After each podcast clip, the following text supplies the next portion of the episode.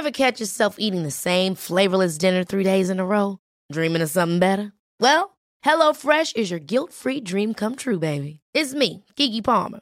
Let's wake up those taste buds with hot, juicy pecan-crusted chicken or garlic butter shrimp scampi.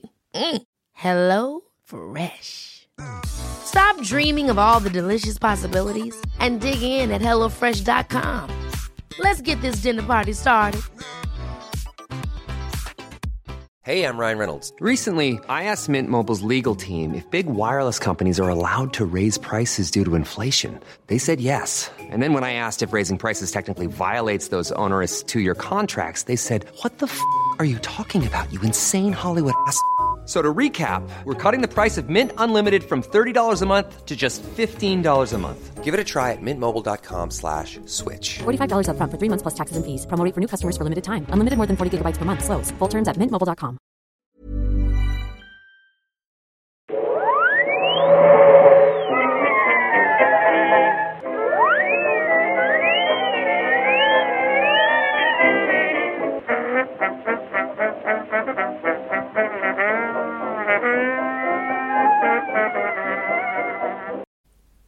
Odd Arab, Tess, trots i gay, Jejröb Odd. Rednaldron Naibaf Nedrön Re Nos Guy Reted Guy Ko Nedrön Lit Anmoklev Ko Ye Grebgne, Rutkiv, är mos, gay, rä, ted, ko. Lista ut den om ni kan. Ja, där har vi ett uppdrag för eh, Noipod fanpage Eller på? Instagram. Ja, men exakt. Ta, ta det där och likt... Vad ska vi säga? Ja, likt Twin Peaks. Spola det åt rätt håll. Ja, nu avslöjar du vad det var för någonting. Ja, men jag måste ju ge dem någonting. Annars är de ju helt lost. Tror att vi har fått en stroke eller något. Kollektiv stroke. Fel på ljudet bara. Att man satt, någon som också. har stängt av och tänkt att det, var, ja, det här var inte alls bra. Det finns ju så här kollektiv psykos. Fin, fin, fanns det inte en story? Det känns som en sån här råttan i pizzan story eller en creepypasta. Men det var väl, det fanns väl något... ehm, ehm, en incident och en hel stad fick en masspsykos tillsammans. Det är ju någonting med Porygon-avsnittet i eh, Pokémon. Att det var så här, typ att alla fick eh, Epilepsi, epilepsianfall ja, ja, ja. liksom. För den, det är ju ett så här känt fall och det är det Mm. de driver med i, eh, i Simpsons också. I Simpson. I Simpsons? Mm, Inte när South Park? Nej, Simpsons. När de åker till Seizure Robots. De åker ju till Japan och så kollar de på TV och så är det Seizure Robots. Ja, just det. Jo, och det är bara folk det. med blinkande ögon. Det är lite kul. Har vi sagt vad det är för podd? Ja, vi har ju det. Men, eh, men, men, men... Ja, vi kanske ska säga det igen då. Det här är då Nörden och jag. Det är jag som är nörden i sammanhanget, Fabian Nordlander. Och det är jag som gör Viktor Engberg. Det här är då podcast för ni som inte vet, där vi pratar nörden och nördkultur i slags bildande syfte. Jag försöker bilda Viktor i saker han tycker de inte vet så mycket om. Presenterad av Acast. Exakt, och jag är manusförfattare och dramaturg och Viktor är här, han är en, han är en vanlig människa. Eh, och vi försöker bara guida oss igenom nördkultur och film, serier, serietidningar, alltihop. Och idag, jag tror det här är i alla fall topp tre av våra mest efterfrågade avsnitt. Verkligen. Det, den här har varit alltid bara så här, när kommer det här avsnittet? Exakt, det känns som jag fått ett tweet minst en gång i månaden och säger när kommer det här? Eh, och En gång i vi... månaden, det var, det var snålt. Ja, det kanske tar... Ja, det, det, det, det är nog sant. Eh, så vi har laddat upp här med munkar och kaffe. Tyvärr inte cigaretter, för vi är inte rökare någon av oss.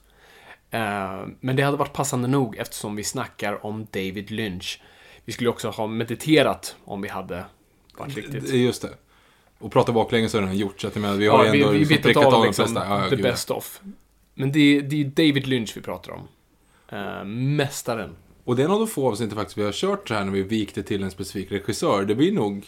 Från, har vi gjort det någon gång? Jag att tror det är vi har det. Jag tror inte vi har det. Och det har ju varit en väldigt populär efterfrågan överlag. Så att när ska ni gå igenom så här regissörer och filmografier? Och det har vi inte riktigt haft chansen till. För oftast de regissörer vi har- kanske har snubbar gör oftast någonting, en, en franchise eller någonting, så vi måste ta franchisen. Men nu börjar vi gå in i det här då vi måste börja eh, få slut på ämnen. Nej, men då vi faktiskt kan prata med regissör. Och det som, är så, det som är så kul nu är att vi faktiskt kan prata med regissör om nästan hela dess katalog. För att eh, David Lynch, han är inte död, men han kommer inte göra några fler filmer. Är det så? Det, det har han, han sagt sagt. han Han har sagt. Han, eh, han är, det jag gillar med honom är att han aldrig säger aldrig. Aldrig, aldrig. Säg kanske, kanske, kanske. Ehm, och eh, så att man vet aldrig. Och nu kommer han ju regissera Twin Peaks, vilket vi aldrig trodde skulle hända. Så vi kommer ju få nu liksom åtta timmar av Lynch eh, i filmform. Så det är kul. Men så vi troligtvis kommer vi kunna gå igenom hela hans katalog då, förutom nya eh, Twin Peaks såklart. Eh, men hela filmografin. Och vi säger redan nu att vi kommer liksom prata om honom, om honom som koncept och prata om filmerna som koncept. Vi kommer inte spoila någonting, för det hade ju varit det, bortkastat. det, det har jag också fått frågan om. Det, det ska jag försäkra redan nu att ni kan, har ni inte sett Twin Peaks, har ni inte sett hans filmer så ska vi hålla det så spoilerfritt som möjligt, särskilt runt Twin Peaks. För jag har inte sett Twin Peaks. Nej, du har inte gjort det din jävel. Eh, det, det måste du göra. Det måste alla göra. Eh, ja, vi, vi kommer in på Twin Peaks och jag ska berätta om varför, men, men eh, först ska vi prata om, om David Lynch. Eh, och först vill jag bara veta från dig, Victor, vad... v- Jag vet ju typ vad din första David Lynch-film är, men vad är din så första, så här, ah, vad, är- när fick du höra om Lynch?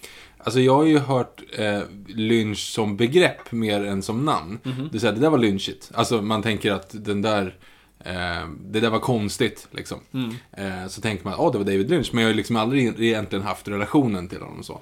Mm. Eh, och sen när jag, tänker, när jag tänkte efter bara för några veckor sedan, vi pratade om att vi skulle göra avsnitt så här, ah fuck, jag har typ inte sett en enda film av David Lynch. Nej. Tills du berättade att jo det har du, men du visste inte om att det var en David Lynch-film däremot. Och det var? Elefantmannen. Mm. Eh, Under vilka omständigheter såg du Elefantmannen? eh, med dig. Just det, jo men det var det ju. Ja.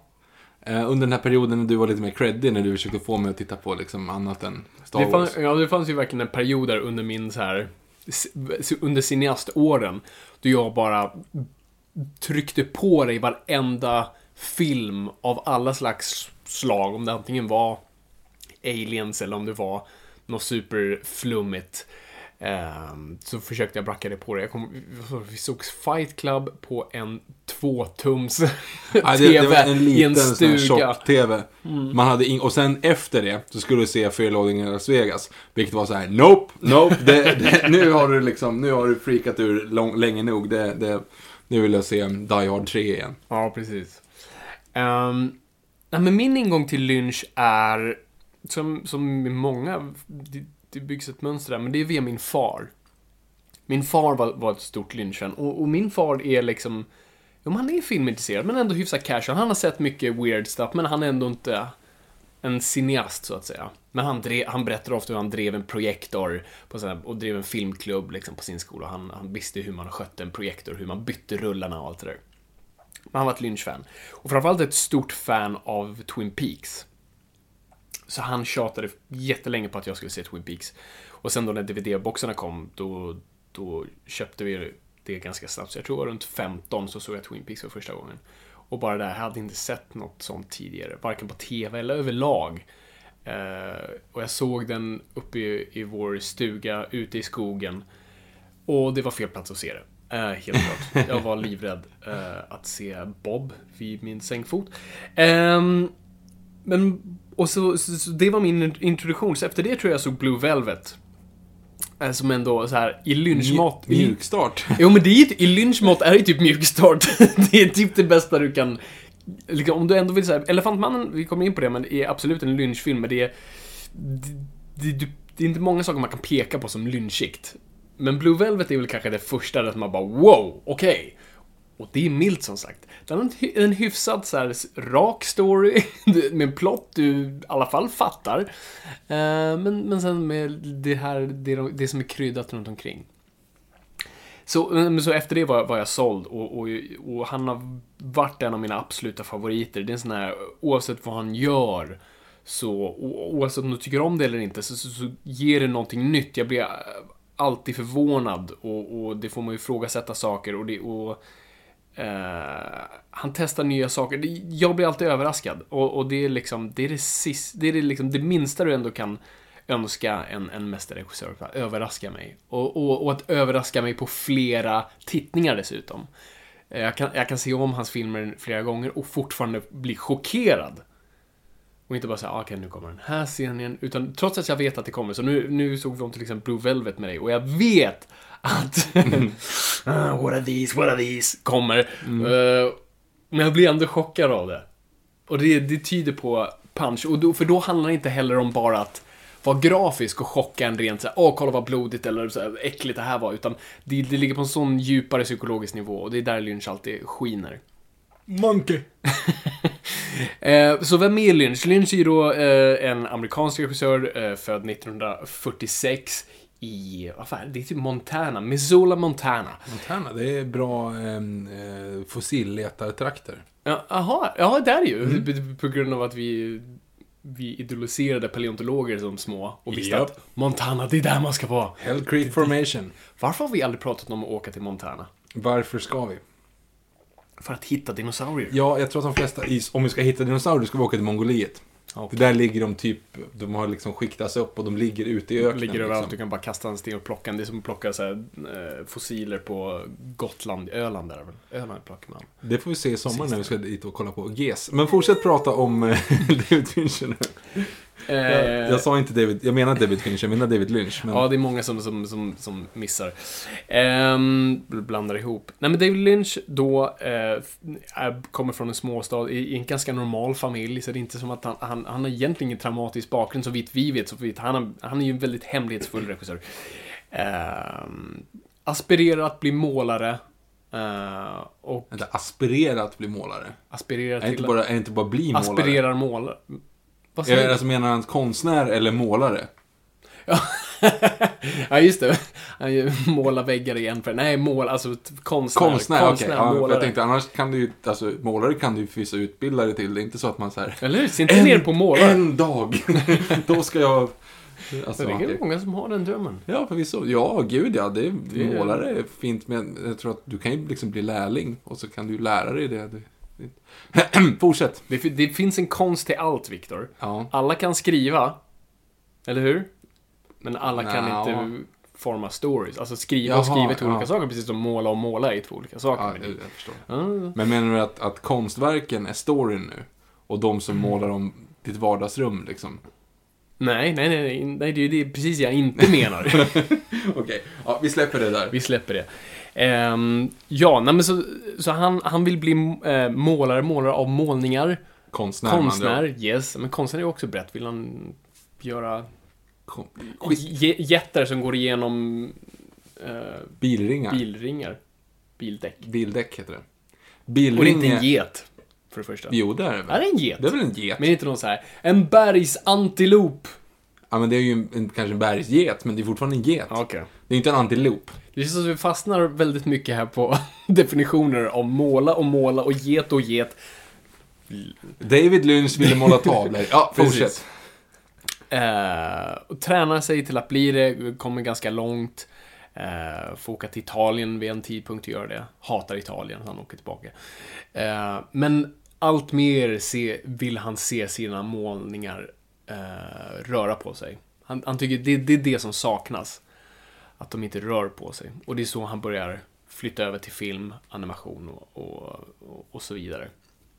Och sen då till faktiskt film. Och han utbildar sig sen på, på amerikanska filminstitutet till att då bli regissör. Men det, men det jag tycker är, liksom, vad, vad definierar Lynch som filmskapare? Och det är ju väldigt svårt att pinpointa. För vad som kanske gör främst David Lynch känd är att han hatar att prata om sina verk. Eh, Eh, han hatar att på något sätt ge en definition av det, vilket jag alltid också stått bakom. Jag tycker, för när, om du ser en film som är öppen för tolkning och sen du hör regissören förklara vad rätt grej är, då, då är den filmen förstörd för all evighet, för då vet, vet du vad originalintentionen är. Med Fröken Julie så tror jag att Strindberg... Exakt, där har du, där har du ett praktexempel. ja, ja, ja. Ni som inte fattar, ja, ni, ni får lyssna på bakkatalogen. ja, det är många, många avsnitt bak. Eh, men hur som helst. Han gillar inte att prata om sina verk. Det finns ett väldigt känd intervju, eller det finns ett roligt YouTube-klipp då faktiskt vår favorit Mark Kermode in, in, intervjuar David Lynch. Och, han, och, och Mark Homer försöker verkligen få reda på vad är det med de här blinkande ljusen i, i David Lynch-filmen. För i varje film och, och i TV, blinkande ljus är ett väldigt förekommande faktum. Eh, så han frågar sig, vad är det med de här ljusen? Det, det, det, I min tolkning känns det som det är som synapser, det är, det är små elektroner som handlar om kommunikation mellan hjärnor. Och kommunikation. Och han drar en världens grej och så här, är, är, jag, är jag i närheten? Och David Lynch bara lutar sig fram från, till mikrofonen och säger No. sen är det det. Eh, han pratar väldigt sällan om sina grejer. Och eh, ibland lyckas man få någonting om man, om man pratar runt det, men han vill inte göra det. Det är därför han inte gör eh, regissörskommentarer på DVDer. Han är också emot att sätta eh, sena, eh, vad säger man, scenanvisning? Sin selection. Sin selection. Nu har nästan alla mina DVDer har sin selection, så, men alla DVDer som jag- han har haft liksom, har fått ett säg i, har inte sin selection. Och det var lite, lite roligt nu när vi skulle kolla på Mulholland Drive. Och vi skulle, ah, vi går tillbaka till den här scenen bara för att och det var, det var svårt. Ja, men det var ju helt omöjligt. för det kom upp så här random scene selection. Ja, du kunde inte välja man liksom fick upp objekt, ordning. en lampa, ett bord, en penna och så fick man så här, och så ha- hamnar man någonstans i filmen. Mm. Eh, så det var ett fult trick att, att spela på. Ehm, nej men så, så, så det, det så det, är, ja, jag vet inte om det definierar honom så, men, men vad jag tycker är en definierande grej är oftast hur han leker med perspektiv och drömmar. Vad som är verklighet, vad som inte är. Eh, och, och det är väl oftast det han, han, han rör sig kring. Eh, och nu tycker jag vi, vi, vi, vi går in på de filmerna så kan vi, kan vi utveckla lite. Nu, nu har inte du sett så många. Så, så jag, Nej, jag är lite grann era ögon här, eh, lyssnare. Eller era, eh, ni som inte har sett alla David Lynch-filmer för att jag, Mm. jag, jag målar in mitt hörn nu. Precis som han var en aspirerande målare som målar in mitt hörn här. Fabian, berätta om den första filmen Ja, han jo, gjorde. innan, jag måste bara tipsa om, och jag kommer, jag kommer dra lite grejer ur, ur det. David Lynch skrev en bok, en helt fantastisk bok, eh, som en jättebra present, som heter Catching the Big Fish. Eh, och där, han ger inte så mycket förklaringar till saker, men han, han ger sin personliga, vad ska man säga, analys eller perspektiv på saker och ting i världen, antingen hans filmer eller hans filosofier. Eh, och varje kapitel är en sida långt. Och han har cirka 200 kapitel. Eh, den är jätteintressant och ibland är det bara små korta grejer. Eh, så jag tänker att mellan varje film här ska, ska jag läsa ett kapitel. Och nu tänker ni, åh helvete, det, tro mig, det tar tre sekunder. Ehm, för här just pratar han om, för titeln här tycker jag anvisar väldigt mycket till, till vad, vad Lynch handlar om. Catching the big fish. Han, han, han pratar alltid om att fånga fisk. Han verkar gilla fiskar av någon anledning. Att idéer är som fiskar. Ehm, att du, du kan stå på strandkanten och fånga fiskar då som står för idéer. Men vill du få de riktigt stora idéerna, de riktigt bra idéerna, då måste du gå på djupt vatten. Du måste ta en chans att stå där ute. Och det gör han ju främst med sin meditation som han är väldigt känd för. Transcendence meditation tror jag det är. Jag vet inte riktigt vad det. Vad, vad, vad det är för slags meditation. Men han har gjort det i 30 år. Eh, jag tror han tog det till Sverige någon gång, så det finns något center som han startade, som finns här. Eh, och han liksom, he swears by it. Det är som religion för honom. Det är rätt kul, för jag kommer när man hörde om det, det var lite som att höra att någon var scientolog, bara åh shit, det där låter weird. Åh, oh, det där låter, nej, mm. Och nu typ meditation överallt. Jag typ funderar på att börja meditera, jag tror det kan vara bra för mig. Det tror jag också. Tack. Nej men, ja, jag är på tok för tankspridd, så jag, jag tror det hjälper. Men, men han pratar också, i, i och med fiskar så pratar han om the white underbelly. Eh, och det är ju då vad man kanske ska, ska titta på som är subtext. Eh, han gillar väldigt mycket subtext och Blue Velvet är väl kanske det som definierar det bäst. Så vi kommer in på Blue Velvet, men det, vi är inte där än. Vi är inte där än. Så vi, vi börjar först med hans första film, vilket är Eraserhead. Eh, och det här var då hans... Skulle inte du läsa? Jag ska läsa mellan filmer, inte innan filmer. Jaha, okej. Ehm, och det här är ju då hans debutfilm, en film han pysslade med i sex år. Höll han på att filma den. Vilket inte märks riktigt, för du ser inte att, att karaktärerna ens åldras. Eh, och, det, och det som är, är kul här, här börjar vi med, liksom med, med subtext direkt. Eh, för att här har du då, det, det, det handlar om, om jag ens kan liksom ja, förklara det. En, en fabriksarbetare eh, som verkar ha haft relationer med, med en ung kvinna, har fått ett barn. Det här barnet är något slags monster, eller typ en alien, eller i alla fall ett djur av något slag. Eh, och han måste nu ta hand om det. Eh, och sin då fru. Det roliga här, eller roliga, det, det var ungefär runt tidpunkten då David Lynch själv blev pappa utan att liksom säkert vilja vara det. Och eh, barnet hade eh, klumpfot. Det var då Jennifer Lynch, som sen blev själv en, en regissör. Hon har själv sagt att filmen inte har någonting att göra med henne. Eh, att det kanske finns någonting där som inspirerar, mig att det inte handlar om henne. Vilket jag också skulle ha sagt till min dotter om jag gjorde den här filmen. nej, nej, nej, nej, nej. Självklart, det handlar inte om dig. Nej, nej, nej, nej. Glöm det. Den där lilla alien-ungen som bara ligger Precis. och liksom... Skriker. Ja, precis. exakt. Och, ett freak. Nej, det har ingenting med det att göra, älskling. Jo, det har jättemycket med Jennifer Lynch att göra och det, det är bara, det, det verkligen sprutar ut ur skärmen. För att, för att det, det handlar om, att liksom bli vuxen. Eh, Rädslan med att bli pappa, rädslan att, att, att kliva ut i ett vuxet liv, trots att du har ett jobb, vilket han har ehm, i den här filmen så är det fortfarande här, de bor i en liten lägenhet, han bor med den här kvinnan och hon är sjuk någon natt och du vet, hon tar täcket från Du vet, alla de här vuxna troperna som man är rädd för att helt plötsligt dela sitt liv med någon annan. Och har den här varelsen som, som, som på något sätt kräver all uppmärksamhet hela tiden och, och hotar att förinta dig. Och ungen som skriker jämt, vems tur är det nu? Längs sömnlösa snårstigar kan en människa så lätt bli ett djur. De vaknar i varje timman och det enda de hörs, det enda som hörs, är dånet från långtradarna på motorvägen strax utanför. Han säger, var är livet? Vad har vi gjort? Säg mig, hur kunde vi bli så gamla så fort? Okej. Den jag...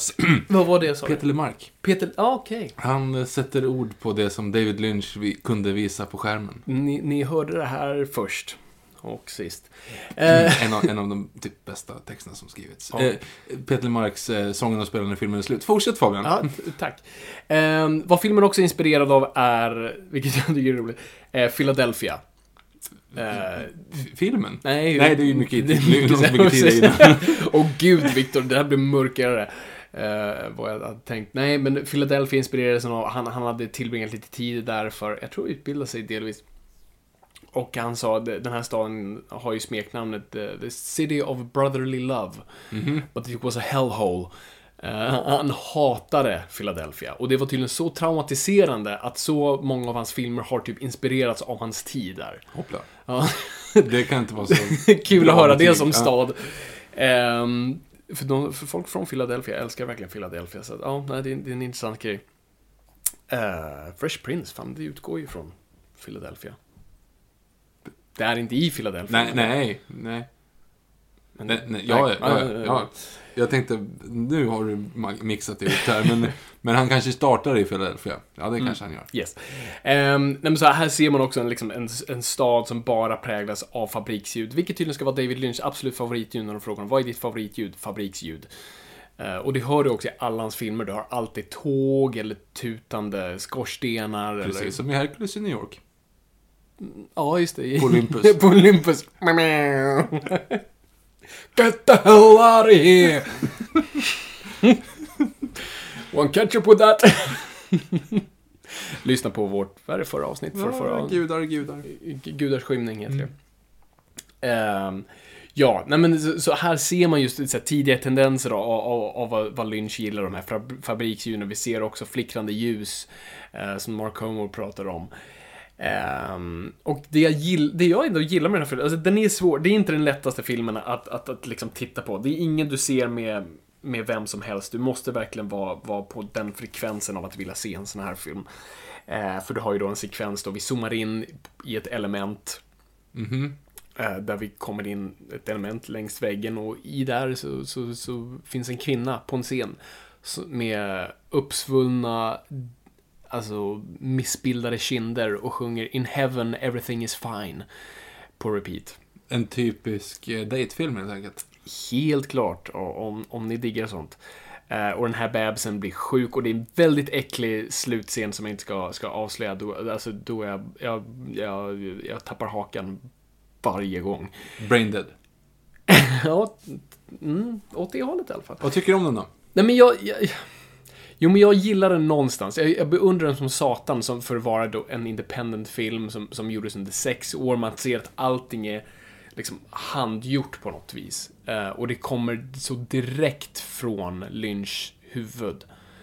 Uh, och nej men så, liksom, du ser inte den så ah, fredag kväll jag ska slå på en film, utan du måste verkligen vara in the moment. Det är en bra film för inspiration, för att så här, sätta igång hjärnan.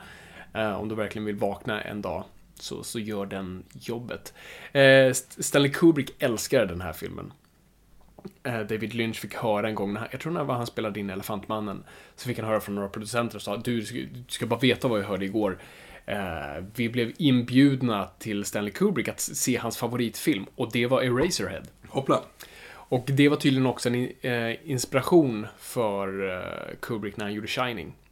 Han, han hade en visning av Eraserhead precis innan produktionen och sa att det här är det vi ska nå. Fint. Ja, så det är lite coolt. Så ni, och så är ni liksom Shining-fans så är det ju värt faktiskt att kolla in. Jag kan inte riktigt se kopplingen 100%. Alltså, du ser inga visuella eh, plockningar från, från Eraserhead. Men, men du ser absolut kanske i form av ton eh, ett slags koppling. Så bara det, bara det gör den värd att se. Den är, den är under en och en halv timme. Eh, och nej, men beundransvärd skulle jag säga. Så det är kul. Det är kul. Ehm, så efter det här då. eh, den här filmen sågs förvånansvis, och inte minst av Mel Brooks. Som det Av anordnades, alla människor. Som det anordnades en visning för och tydligen så, så, så sprang han ut efter, efter visningen och bara kysste David Lynch. Eh, han tyckte det var så briljant. Och han med det här laget var då väldigt involverad i att filmatisera storyn om John Merrick, den så kallade Elefantmannen. Och göra en ärlig, rå, eh, dramatisk eh, filmatisering av den sanna historien om John Merrick, inte en komedi. Och det var det som var lite problem Mel Brooks hade. Han ville göra den, men han visste att han inte kunde, för då skulle folk bara du vill gå in och skratta direkt, för att Mel Brooks namn var giftigt. Ehm, så han tyckte David Lynch var den rätta personen att göra det här. Och jag tror, jag tror Mel Brooks inte syns på crediten. Så han var producent, men han såg till att hans namn var så dolt som möjligt så att folk inte skulle tro någonting annat om det. Och där har vi då Elefantmannen. Och den har du sett. Den har jag sett. Vad tycker du om Elefantmannen? Ska du inte läsa först? Ja, shit för fan. Bra där. Nu ska vi, nu ska vi läsa ur David... Shit för fan. Okej, fint. så här, här är då ehm, kapitlet Identity. Nu, nu ska vi, så här låter David Lynch då. The thing about meditation is you become more and more you. Det var det. Ja, det var, Det var ett helt kapitel. det var, det var ett bra kapitel. Det var lite spännande på slutet. Ja, ja eller hur? Cliffhanger till nästa. Riktig cliffhanger, så nu stanna kvar om ni vill höra mer. Mm. Eh, Elefantmannen. Yes. Eh, John Hurt i sin livsroll. Ja, faktiskt. Eh, han, alltså det är också, de är väldigt, väldigt lika. Om du jämför med riktiga Joseph Merrick då, som Mm. han heter, som, som han ser ut på, på verkligheten, så har de ju liksom prosthetic-sminkat honom riktigt sanning, sanningsenligt. Precis. Det här var bara för att flika in här. David Lynch ville göra sminket själv först. Och blev förkrossad när han insåg att han inte kunde. Nej, det- Men det ser, det ser ju mer eller mindre fläckfritt ut. Sen är den ju svartvit också, så alltså den är plockad för det är. eh, Han levde ju egentligen på, då på sent 1800-tal och blev omkring skjutsad som ett cirkusfreak liksom. Det är en hemskt, hemskt människoöde på alla sätt och vis. Eh, syns också för övrigt i eh, From Hell eh, av, eh, med Heather Graham och Johnny Depp. Då, ja, han är med i den också. Alltså Elefantmannen då. I, hur då? Jag har glömt bort det. Jag har de, de, de har ju den här typ så här kappklubben där när de kommer in och så är det Mm. massa så här... Eh, Illuminati. ja men typ Illuminati och då är det ju bara, det är bara en jättekort scen när de Mm. sitter i den här stora amfiteatern och så Ja. är det ju liksom så här Eight Wonder of the World typ och så bara rycker de av och så står ju han bara så här och Mhm. ser. Han var inte med i Illuminati. Nej, han står och är ett cirkusfreak på den Ja, okej. också. Eh, som han var. För han hade en sjukdom då som fick så här stora mutationer på hela kroppen egentligen. Eh, det är ju intressant. Jag vet ju inte, du vet ju mer kanske storyn om det, men, men eh, att han efter en sån här lågbudgetfilm som ändå Razorhead är, Mm.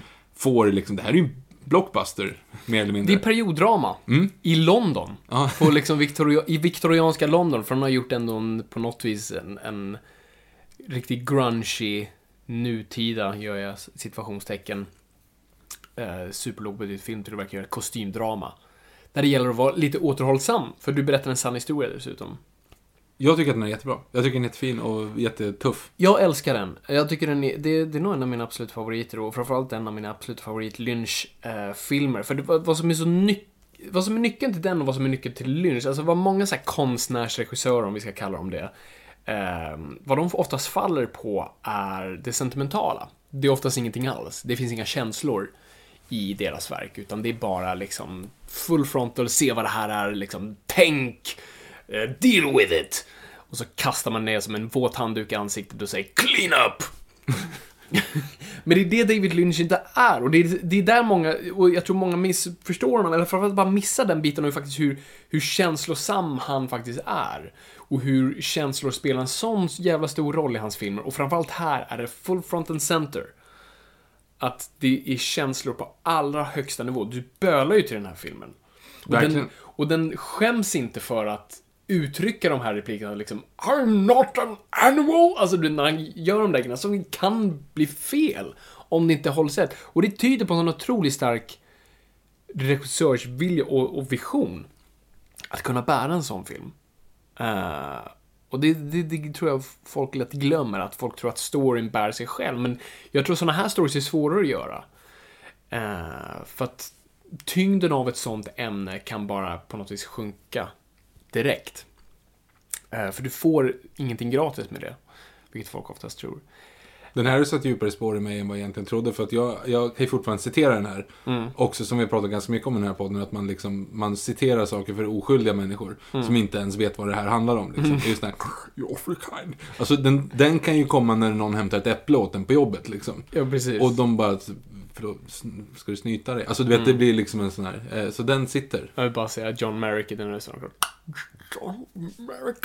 Ja, också. och det blir ändå konstigare för du heter ju inte det. Så, Nej, jag heter ju inte så folk tror att man har fått en stroke. Ja, så då blir det liksom att de, de kallar på sjuksyster tänkte jag säga. Precis. Men, men John Hurt är fantastisk i den här. Han och är det, det är verkligen hans livsroll, för att han försvinner i den här. Och det är också hur, hur en person...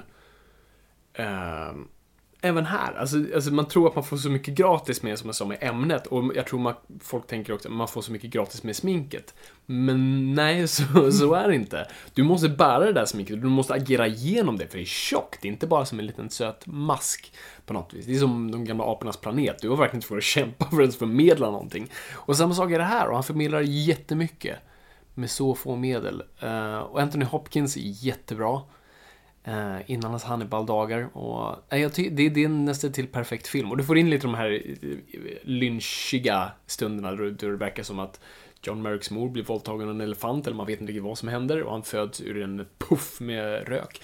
Eh, det, det är massor av sådana där underliga stunder. Som ändå, så han har sin stämpel på den, vilket jag gillar. Jag, tycker om den här jättemycket. Mm, ja, jag håller med. Jag, det var, det var inte så bra argumentation. Jag, tycker, jag håller med bara. Mm. Sen ska, ska, då ska vi då läsa ett, ett till kapitel här då, ur, ur David Lynch bok Catching, eh, Catching the Big Fish. By the way, det här är 1980 va, eller hur? Elefantmannen. Elefantmannen 1980, Ja. det stämmer. Ehm, den här är lite längre, men... Eller vänta nu, nu missade jag igen här. Precis. Här, här är hans kapitel om terapi. I went to a psychiatrist once. I was doing something that had become a pattern in my life. And I thought, well, I should go and talk to a psychiatrist. When I got into the room, I asked him, Do you think that this process could in any way damage my creativity? And he said, Well, David, I have to be honest. It could. And I shook his hand and left. Jag tycker ändå att jag, den där eh, karaktären där som är introducerad av det här kapitlet eh, talar till mig. Eh, Mm. det, det är ändå en... Eh, jag tycker om bikaraktärerna och, Ja. och det, det är en djup, eh, djup förstående. Ja, du har ju subtexten här Ja. också liksom. Den, the white att- underbelly Ja. of the big fish. Eh, Det är ju egentligen, alltihopa är ju bara en, en allegori för ockupation av västtyska ambassaden. Ja, ja. Men, Ja. gud ja. Bra, du såg det också. Fan vad nice. Lägg ut, lägg ut.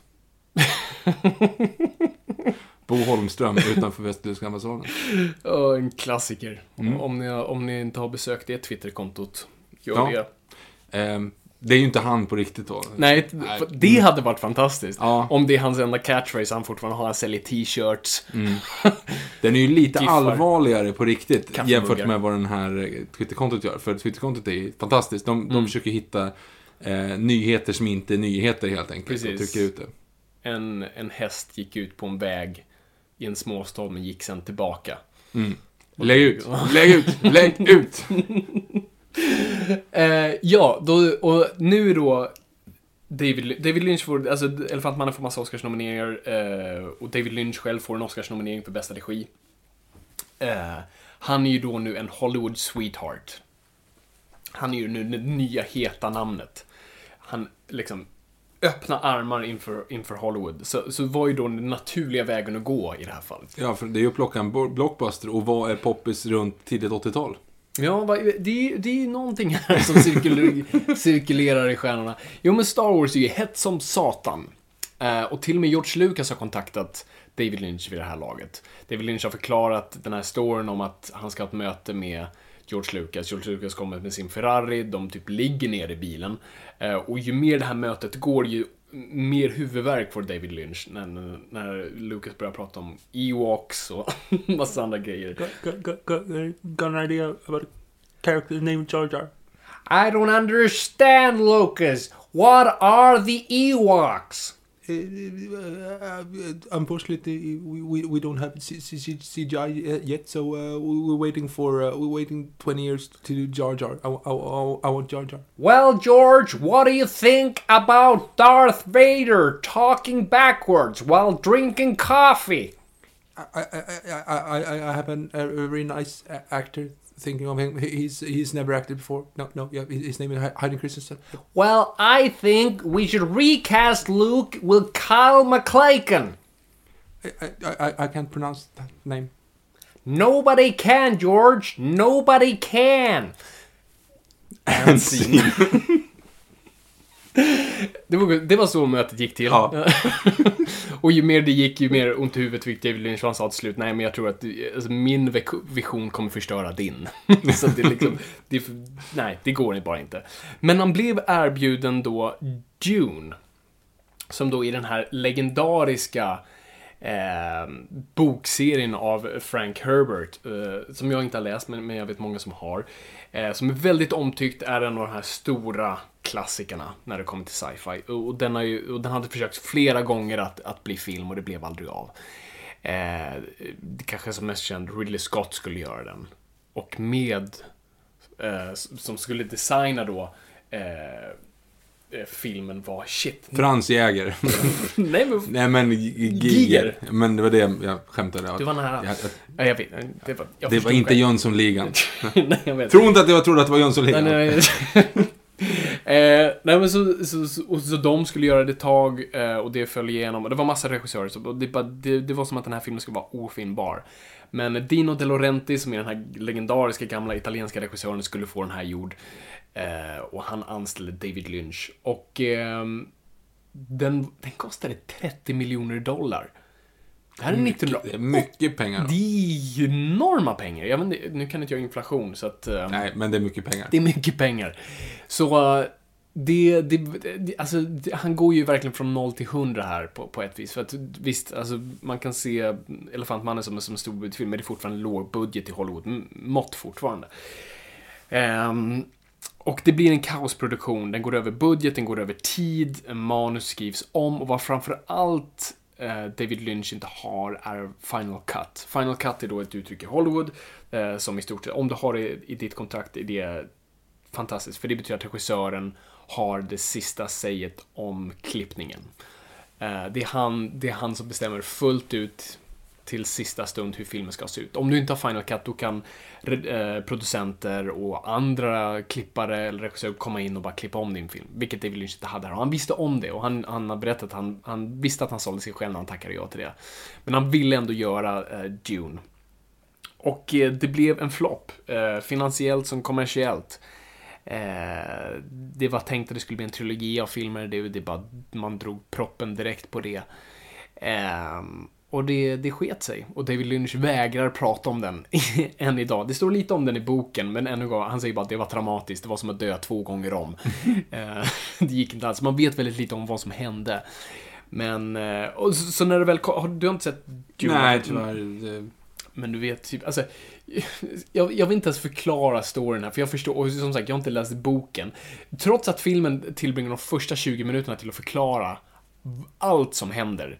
Du har till och med, istället för scrollen i början på Star Wars, har du en, en kvinna som står verkligen och tittar in i skärm och förklarar vad som har hänt, vad det här, här är alla planeter, här är alla kungar på de här planeterna, alla är ute efter den här kryddan och den här kryddan eh, kan ge dig evigt liv och göra dig enormt smart och framförallt kan den få dig att resa genom rymden utan att lyfta en fot. Och Julie är en allegori för adeln. Björn Karlsson, han spelar den andra snubben. Allting är i samma rum. I samma rum, Viktor. Ehm, nej, men så, så, så trots att den tillbringar så mycket tid till att förklara allting så fattar man noll. Eh, och, och den är så otroligt medveten hela tiden om att försöka förklara vad som helst, så det de till och med gör är vad som är förbjudet i film. Det är som, vad kan man göra i bok som man inte kan göra i film? Jo, i böcker kan du förklara vad folk tänker. I film gör du inte det. I, i bästa fall med vad man kallar det för voiceover. Alltså man, men voiceover är så otroligt svårt att få rätt. Så när du får rätt så kan det bli mästerligt, men när du gör fel så blir det helt fel. Men Blir det här- Blade Runner. Men ja, eh, precis, det var exakt det jag tänkte säga. liksom, mästerligt, ja, så här, ehm, Sunset Boulevard, eh, totalt helt jävla fel är Blade Runner. Blade Runner. Ehm, och eh, så i det här fallet är vi mer åt Blade Runner-hållet för att... Eller så gör man en, en episod 3. Det vill säga, Anakin, you're breaking my heart. I hate sand. Ja. Ehm, nej men så, så, så, Ja, nej men så här har du, här har du vad alla tänker typ hela tiden. Och alla viskar så här. I should tell her that the spice is probably connected to the worms. Tack! för att de, för, troligtvis- för det är så mycket i boken som, som behöver förklaras, så de försöker hela tiden få in det i folks tankar. Så alla tänker hela tiden. Det är jätteirriterande. Och här har vi då eh, Kyle MacLachlan, eh, vars namn, tack, som, vars namn man aldrig kan uttala, alltså Agent Cooper i Twin Peaks. Här är hans första filmroll någonsin. Carries första kille egentligen i Sex and City. Eh, är det så? Jag har glömt bort. Just han Nej, förlåt, inte Carrie. Ah, vad dum jag är. Förlåt, Miranda. Nej, inte. Vänta, gud. Men, åh. Jo, det är väl Carrie, eller? Nej, Carrie är ju Carrie. Ja. Carrie Bradshaw är ju, Ja. den, är ju den, eh, den stora, tänkte jag säga. Hon är ju huvudrollen. Ja. Men den andra, hon som... Eh, Miranda. Vänta lite här nu. Ja, Miranda. Rödhårig, kort hår. Nej! Nej. Nej, men nu, nu, nej! Charlotte! Charlotte. Gud, hon som blir magsjuk Ja, i just- Mexiko. just det. Jo, Ja, men det är just Hon det. ska gifta sig med honom. Just det, det har jag helt glömt. Med Kai eh, Och eh, då ska ju hon in i den här klanen och hon ska bli skotte och allt vad det är. Mm. Ja, Men han är ju impotent, så då lämnar hon honom. Och så Mm. blir hon tillsammans med han utan hår istället. Just det. Mm. Eh, just det, men han. här var hans första filmroll eh, och hans första ja, roll inför Lynch. De, de blev typ så här kindred spirits. De connectade på, på, på en riktig nivå och det blev nästan som att eh, Kyle efter det här blev Lynch alter ego i hans filmer. Men vi kommer in på det. Hans... ehm, Men gud! Fri, Fri, Fritiof Andersson. Fritiof Andersson. Evert Taube har eh, ett alter ego i alla sina låtar. Som är så här vacker och spelar gitarr och... Alltså, han är liksom bäst på allt. Ja, han kan dansa Så han- så- tango. Ja, precis. Och han, han är skitbra på, på, på att rida hästar, bäst på bågskytte och svärdfighting. Han är, han är vän med både araber och korsriddare. Eh, jättebra på, på och italienare och, och, och han är bäst på bågskytte och att rida. What a beautiful horse! Jag, tror att du, jag tror att du menar Arn. Arn, kanske. just Arn. dum är Ja. just det, det är Arn. Nej men du menar, du, han, är, han är bäst på fighting på skolgården. Eh, han, kan, han kan liksom spöa sin farsa. Eh, han kan också, liksom, trots att han är lägst ner, sl- slåss mot eh, liksom, de, de högre upp både i rang och klass och ålder. Han är bäst på simning. Fast han typ är 1,50. Ja, precis. Korta armar. Eh, och säkert bäst på bågskytte också. Du, du tror inte att du, du menar Erik Ponti? Erik Ponti, dum Ja. är just det, Ja, sorry. just. Ja, jag tänkte att det är lätt. Det är lätt. Lätt att mixa ihop sånt där. Du kan ju också, det finns en annan snubbe där som är, som är väldigt också, han är perfekt, han är jätteduktig på allt. Han kan typ jättemånga olika språk, han kan bryta sig in i typ ett labb med ett Statoil-kort. Han eh, kan alla eh, foreign eh, seder och sådana saker. Han kan föra sig i, Jag- jag i Ryssland och sådana saker. Jag tror du tänkte på Hamilton nu. Ja, Hamilton! Gud! Ja, jag Så tänkte det att det skulle kunna varit. Eh, det är inte alls en allegori för någonting Mm. annat. Att, ja. Jag kan slänga ut här nu, jag, ni, om det finns någon som lyssnar jag kan skriva en Share Universe-film med alla dessa tre karaktärer. Ge oss Jan Guillou-verse Avengers. Jag gör Hur det. syr du ihop Carl Hamilton? Erik Ponti och Carl Hamilton, de har ju träffats till och med. Nej. Jo! Har de? Ja! ja men vad fan, har du, har du inte Och, koll på och det? vä- universum exploderade för det kunde inte finnas två så bra människor på Vad samma är, jord. vad är det de säger? When an unstoppable force... Meet an immovable object. ja, precis. Det är ju Erik Ponti versus Carl Hamilton. Där har vi det. Men, där, men det är ju det, för att i eh, filmen för övrigt, in, men inte om det gäller min dotter. Mm. Jätt, halvbra titel. Eh, då träffar ju, då är ju Ru- Ruben Salmander, är ju den feta i ondskan. Det är ju den karaktären. Okej. Så han kommer ju och är, alltså det är ju liksom Tanguy, eh, Pierre Tanguy. Ja, just det. Just Så det. han har ju kommit in då och är liksom typ så här FU, eh, vad heter det, FN-soldat och grejer. Mm. Så det är hans dotter som han har tillsammans med hon från Så som i Åh, himmelen. Hon som alltså, den som är nya killen. Mm. Eh, och det är ju hennes, hennes nya kille då. Ja. Och så, eh, så, kommer hon, så kommer hon och så står hon där i kyrkan och så kommer Ruben Salmander in och så skriker de att han, han, han har posttraumatisk stress från den här Stor åk Tanguy, du vet hela, hela Han har jobbat som kock med Kjell Bergqvist ganska länge och även försökt bryta sig in på lite på studentskivor. Yes. Men det är över nu, så det är lugnt. Eh, han kommer i bilen, rullar upp framför henne, framför kyrkan och tutar liksom och då kommer hon, ja, jag, jag måste gå nu, det, det, det är min nya kille. Och Jäkel ställer sig upp, men ja, inte ska du gå någonstans. Jag har planer för den här kören. Du vet, hela den grejen. Och hon bara drar och allting går åt helskotta. Prästen har porrbilder. Per Moberg är ett asshole. Per, per Moberg är ass... Och just det, sen är han med i den filmen också. Eh, har det är gått för långt med det här. Hur som helst, Kyle MacLachlan är David Lynchs alter ego, tack.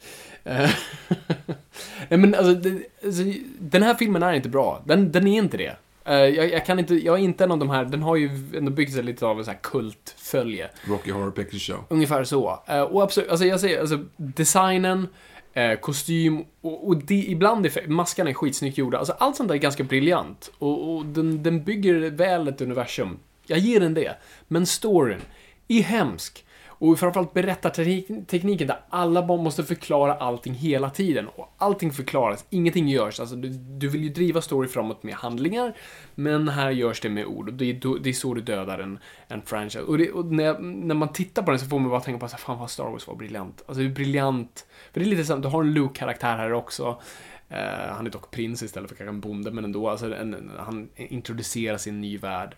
Ehm, Luke drivs hela tiden av handling, att göra saker. Eh, och här, här Kyle MacLachlan bara står och, tack, eh, och, och bara frå, ställer frågor hela tiden. Och tänker, maybe I should ask him a question. Thank you. Um, Sådana där grejer. Nej, så det, det funkar inte så bra. Max von Sydow är med. Det är intressant. Ja. Sting är med. Jag med tangatrosor. Oj. Det är intressant. Bevingade tangatrosor. Bevingade tangatrosor. Yes, det är bara kolla på den. Jag blandar alltid ihop den här med den filmen som David Bowie är med i. Vilken är han med i? Han är med i någon fantasyfilm också som är jättekänd. Jaha, du tänker på... Nu höll jag på att säga Legend, vilket det inte är. Vilket jag alltid blandar ihop med. Mhm. Men gud, Labyrinth. Labyrinth blandar jag ihop den med. Dock är David Bowie med i en annan David Lynch-film som vi kommer komma in på. En superkort cameo. Ja, du ser. Det, det är oftast ett så här genomgående tema. Han har ofta så här musiker som dyker upp. Eh, Henry Rollins är med i eh, Lost Highway, så att... Eh, Jag antar att uh, det backfirade, det här med att man får förklarat i ansiktet hela tiden Mm. vad som händer i filmen. Det backfirade sen och så det resulterade typ i Mulholland Drive, liksom. För Lynch. vadå? Han för ju inte igenom den här grejen. Om den här filmen så förklarar han alltid allting vad som händer. Det är ingenting, inget direkt ett genomgående tema i hans andra filmer. så det är den här- precis tvärtom. Precis, den här bryter Mm. upp allt helt. Eh, så det här är ju inte riktigt en... Jag kan inte hitta någonting lynchigt i den alls faktiskt. Uh, vilket är också lite så här cred till honom. Han gjorde faktiskt en blockbuster. Han Mm. försökte. Och inte göra någonting annat. Det, var liksom, det skulle bli en stor blockbuster, skitcool, stora maskar som Kyle MacLachlan rider. Prosit. Varsågod. Ehm, så ja. Nej, det är, så, nej det är, det är, jag tycker det är en skitfilm. Då tycker jag vi går vidare. Vi går vidare, och innan vi går vidare såklart så ska jag läsa ett passage ur David Lynchs bok Catching the Big Fish. Eh, som är briljant på så många sätt. Här har vi då kapitel om Angelo Badalamenti, som är, var hans kompositör i nästan alla hans filmer. Och här då ska han förklara hur, hur deras geni går ihop, hur de skapar sina verk. I met Angelo Badalamenti on Blue Velvet. Since then, he has composed music for all my films. He's like my brother. The way we work is I like to sit next to him on the piano bench. I talk to Angelo and he plays. He plays my words, but sometimes he doesn't understand my words, so he plays very badly. Then I say, No, no, no, no, Angelo, and I change my words a little. And he plays differently. And then I say, No, no, no, no, Angelo, and I change my words. And somehow how through this process he will catch something. And I'll say, That's it! And then he starts going with his magic down the correct path. It's so much fun with Angelo. If Angelo lived next door to me, I'd like to do this every day. But he lives in New Jersey and I live in Los Angeles. Det. Det var, det var en bra. Den var, eller hur? Det var, det, det är ändå... Jag kan inte komma på fler sådana saker. Men det är sant, det, den här, det, det, det är absolut sant. Det är så de jobbar. Att han, han, det han gör här innan han ens börjar filma, så går han till Badalamenti och han liksom säger typ så här. There's a wind! Och så börjar han spela. And there, co- there it comes something, oh it's a bird! Och så spelar han liksom så här. Han bara kastar de här grejerna mot dem. Och det, det tar David Lynch med sig under inspelningen och ibland spelar han musik då eh, inför sina skådespelare, eller själv och, och sin kameraman har de det, så att de liksom får in känslan för det de vill förmedla. Eh, så det är lite coolt. Ja, det är fint. Det är jättefint. Men eh, då, då går vi vidare till, till nästa film då, som är Blue Velvet. Den har jag sett. Blue Velvet, hum, hum. Eh, som faktiskt började med att David Lynch hatade den låten. han fullkomligt avskydde den och sen hörde han en annan version av den och då älskade han den. Eh, och sen, och det är det här Catching the Big Fish, att han fick liksom fragment, han, han, han hörde den här låten, han såg röda läppar, han såg liksom det här blåa, vad är Velvet? Sammet. Eh, men sen, det som framförallt så knäckte den stora fisken var örat. Ett avhugget öra som låg på en gräsplätt. Och that's it. Så där har vi då Blue Velvet. Eh, som då egentligen handlar om en, en, en ung man, Kyle MacLachlan, eh, tack, i en, i en småstad, eh, verkar inte ha ett sånt vidare häftigt liv, det händer inte så mycket. Eh, en vacker dag hittar han ett avhugget hö, öra eh, på en gräsplätt och ett mysterie börjar byggas upp med en cocktailsångerska och den lägenheten hon troligtvis är inlåst i. Det är Blue Velvet. Du såg den nu för första gången. Ja, det var första gången jag såg den. Jag tyckte att den var, det var bra. Alltså, det var så här, det, det är ju väldigt, eh, ehm, väldigt medryckande i den här grejen. Just så här, en tråkig småstad och sen så händer någonting och han kan inte gå ur det. Ehm, det man sitter på nålar liksom. Ja. Men sen så efter typ 25 minuter så bara, vad fan är det här? När liksom Monkey kommer och börjar andas in. Jag, jag läste någonstans att han egentligen från första början skulle varit helium. Det skulle vara helium första gången, så att han... Vilket skulle vara, vilket skulle vara helt sjukt.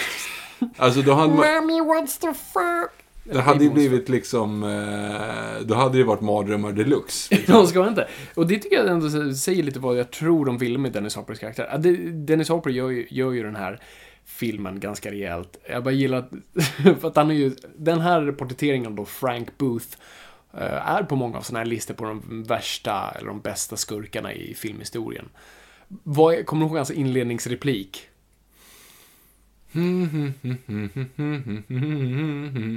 Det är... ja, Nu ska jag säga. Shut up, it's daddy you fuckhead, where's my bourbon?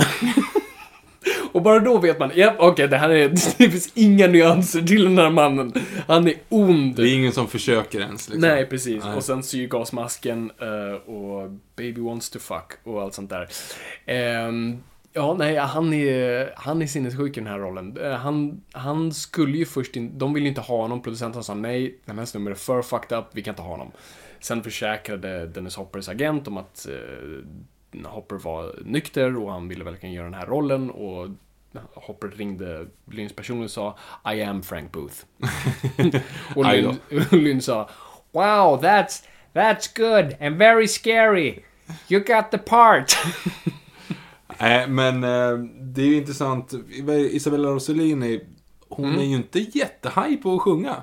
Nej, det var, ju, det var ju lite grejen. Hon kunde inte sjunga. Um, Lynch var ju förälskade, de, de blev ju ett par.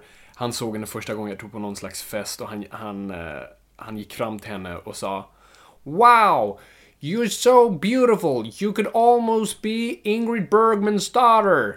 Varav hans vän vände sig om till honom och sa "Eh, s- Sorry David, but you know she is Ingrid Bergmans daughter.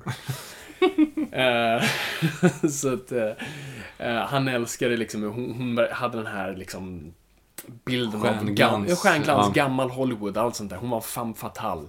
Eh, och det ville han fånga. Mm. Eh, så nej, hon, hon kan inte sjunga. Eh, så att eh, hon fick träna så gott hon kunde med Angelo Badalamenti. Eh, och det är honom man ser sitta, sitta bakom henne med pianot, för hon, hon, hon krävde att han var med henne, för det var enda sättet hon kunde känna sig säker. Så hon, hon klarar ju det fine. Ja, jo. Eh, men, det är inte, inte, det är som att här, alla samlar sig för att höra den här fantastiska kvinnan bara sjunga den här låten. Men det gör det ju nästan lite tuffare. För Mm. då blir ju Franks obsession med henne ännu konstigare. Mm, Just för att den inte är liksom klockren. Jag drar mycket paralleller till G, som är gemenskap. här. Eh, så, som man gör. Ja, Nej, för där har ju också det konceptet av att alla går omkring och berättar att, det, att han är jätteduktig på att sjunga. Eh, han som är då, vad han nu är, eh, som ska vara sångare då i Nürnberg 47. Eh, eh, och han kan ju inte sjunga överhuvudtaget. Alltså det är hemskt.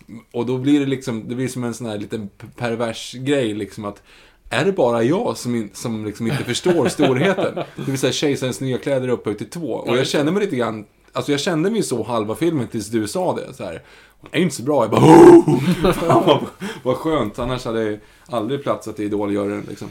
Nej, nej det är väl, man, du, man har gjort många så här psykologiska te tester på folk som... Folk ska, ja, det är massa personer i ett rum och en av dem är då den utvalda som inte vet att de andra är skådespelare och ah, om alla håller med om sak så, så kommer den personen automatiskt göra det också. Ehm, ja, men hur som helst. Eh, nej, men uh, Rosalina må inte vara så bra på, på, eh, på att sjunga, men, men fan vad hon ändå är, är bra i den här rollen. Jag tycker hon verkligen Ja, förmedlar verkligen. ehm, den här kvinnan som inte vet var hon är någonstans längre. Helt liksom emotionellt nedbruten av Frank då. Eh, men samtidigt har han själv en masochistisk sida som, som, är intressant.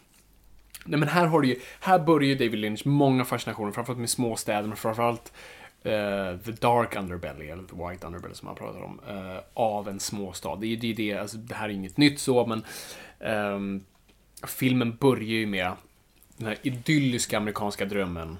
Du ser white picket fences och du, fina hus, eh, hundar som leker på gräsmattan, en person som, som vattnar si, eh, sina buskar. Och vinkar in i En, kameran. en vinkande brandman som åker förbi kameran. Och sen så går vi ner i gräset där skalbaggar äter upp varandra.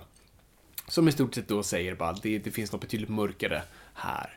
Och det var ju David Lynch väldigt fascinerad av och det, det, det fortsatte genom hela hans karriär. Och, och det är det jag gillar med alltså att han just tittar på de här grejerna som för sig går bakom stängda dörrar. För det spelar ingen roll var, eh, var man är, hur lyckligt någonting är. Snarare tvärtom, ju lyckligare någonting är. Det finns jättebra citat i Batman The Animated Series. Och jag vet inte om de har liksom om det kommer därifrån, eller om de tog det. Uh, när de pratar om Harvey Dent och de säger, för de säger han är så perfekt, vad, vad, vad är hans breaking point? Och skurken säger uh, The lighter the picture, the darker the negative. Um, Det var fint. Ja, eller hur? För du vet, precis som en bild, när du framkallar den, om, om ju ljusare den är, ju mörkare blir dess negativ. Ehm, och det är precis det han leker med här. Att särskilt bakom den glada American Dream Suburbia finns något betydligt mörkare som ligger. Det, finns, det, det är som en tryckkokare. Någonting kommer smälla för att det, det, det finns ingen plats som är så här perfekt. Och det ser vi här. En person som råkar snubbla in på det här. Vilket vi alla haft nyfikenhet till. Ibland ser vi någonting på stan och bara undrar så här, undrar vad, vad som händer om jag skulle följa efter det där. Vad skulle hända? Eller om man råkar se någonting så bryter den här illusionen vi ibland har av ett visst samhälle. Eh, någonting som man ser ska höra hemma i ett betydligt mörkare värld men som vandrar runt omkring oss. Och det är läskigt när vi väl vaknar ur det. Och det är precis det som, som, eh, som händer Kyle Prosit. eh, tack, eh, karaktär. Och här har vi ju alltså, verkligen den här Peeping Tom-aspekten av det. Han tittar igenom allt genom hans perspektiv, framförallt då tydligast när han står i eh, Isabella Rossellinis garderob och tittar eh, igenom för att se vad som händer och, och det han väl snubblar in på och den världen som sen omsluker honom. Jag tycker det, ja, det, det, det är så klassiskt Lynch och det är här det börjar. Och var, var det någonting du plockade ur det? Jag tycker att den, alltså... Nu har inte jag tänkt så jättemycket på den i efterhand, vilket kanske är ett dåligt tecken. Men Mm. eh, jag tycker att den var liksom...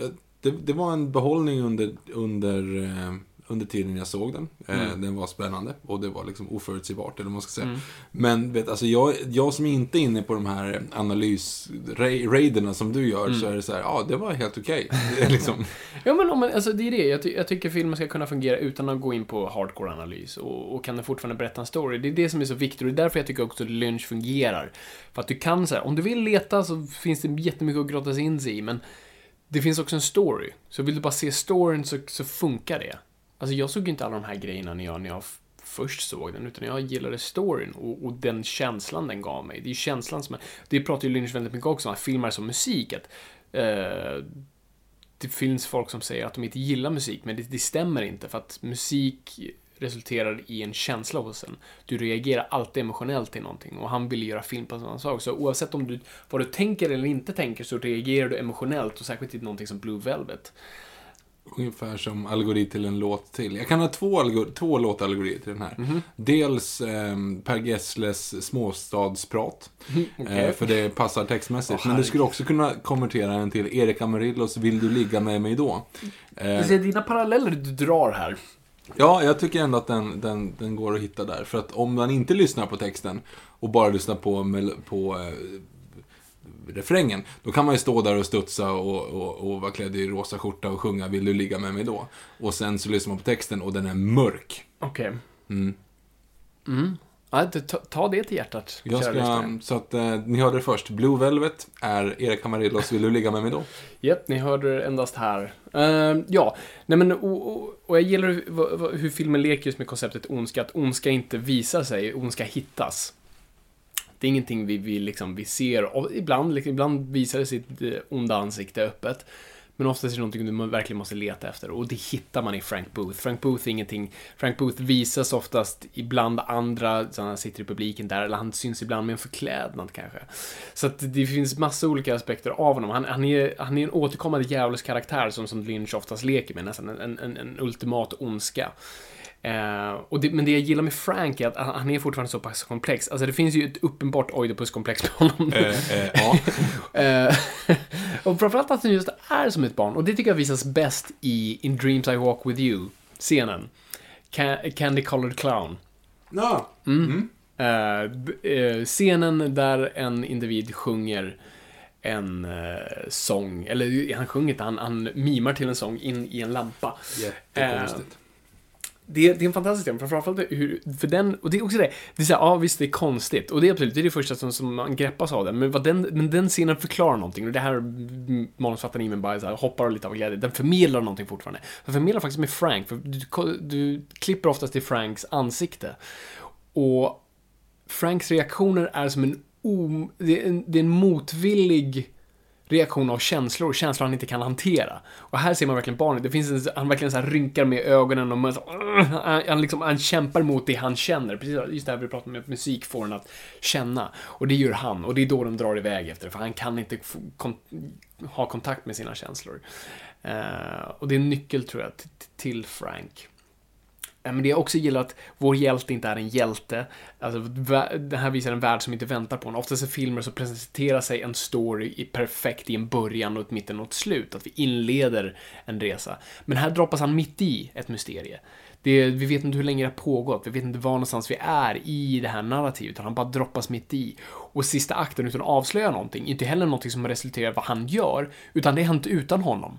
Han kommer dit och någonting har hänt. Och han är inte resultatet av det. och jag gillar den biten av det.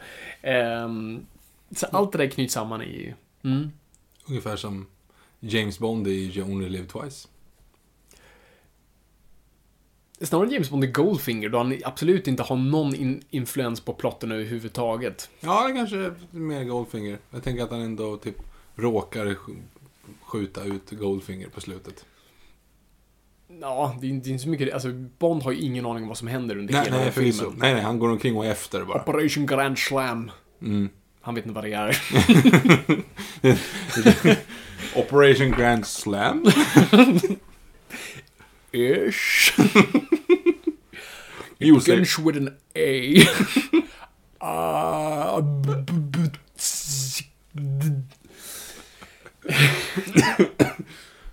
Kom till S, kom till S. Yes! Ja.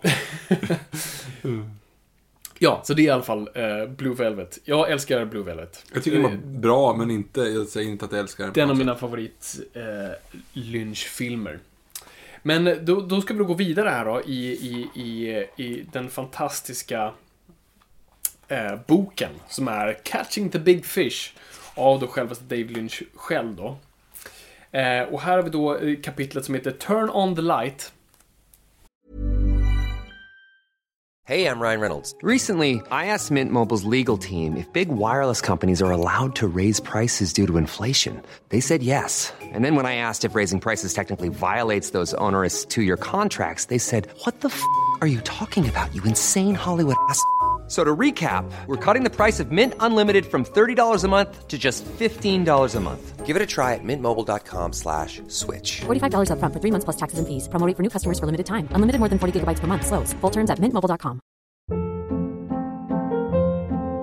Hold up. What was that? Boring. No flavor. That was as bad as those leftovers you ate all week. Kiki Palmer here, and it's time to say hello to something fresh and guilt-free. Hello Fresh. Jazz up dinner with pecan-crusted chicken or garlic butter shrimp scampi. Now that's music to my mouth. Hello Fresh. Let's get this dinner party started. Discover all the delicious possibilities at hellofresh.com. Hey, it's Danny Pellegrino from Everything Iconic. Ready to upgrade your style game without blowing your budget? Check out Quince. They've got all the good stuff shirts and polos, activewear, and fine leather goods, all at 50 to 80% less than other high end brands. And the best part? They're all about safe, ethical, and responsible manufacturing. Get that luxury vibe without the luxury price tag.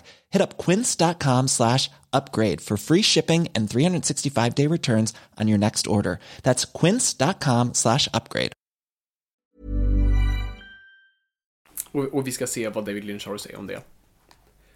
We're like light bulbs. If bliss starts growing inside you, it's like a light. It affects the environment. If you go into a room where someone's been having an argument, it's not so pleasant. You can feel it, even if the argument is over. You can feel it. But if you go into a room where someone just finished meditating, you can feel that bliss. It's very nice to feel that. We all affect our environments. You enjoy the light inside, and if you ramp it up brighter and brighter, you enjoy more and more of it. And that light will extend out farther and farther. Och alla kroppar, eller alla själ, själar då från de här djuren fastnade i en stor vulkan. Eh, som då portioneras ut en, en, en pö om pö och fastnar på människorna. Och dagen då den stora alien-lorden kommer tillbaka så, så ska man mäta upp hur många sådana själar man har inom sig. Vad heter han, alien-lorden? Uh, Zenu. Sino. Sino. Nu är ju inte David Lynch scientolog, men, men, men jag förstår var du är på väg någonstans. Nu, nu ska vi ju då kanske prata om Twin Peaks.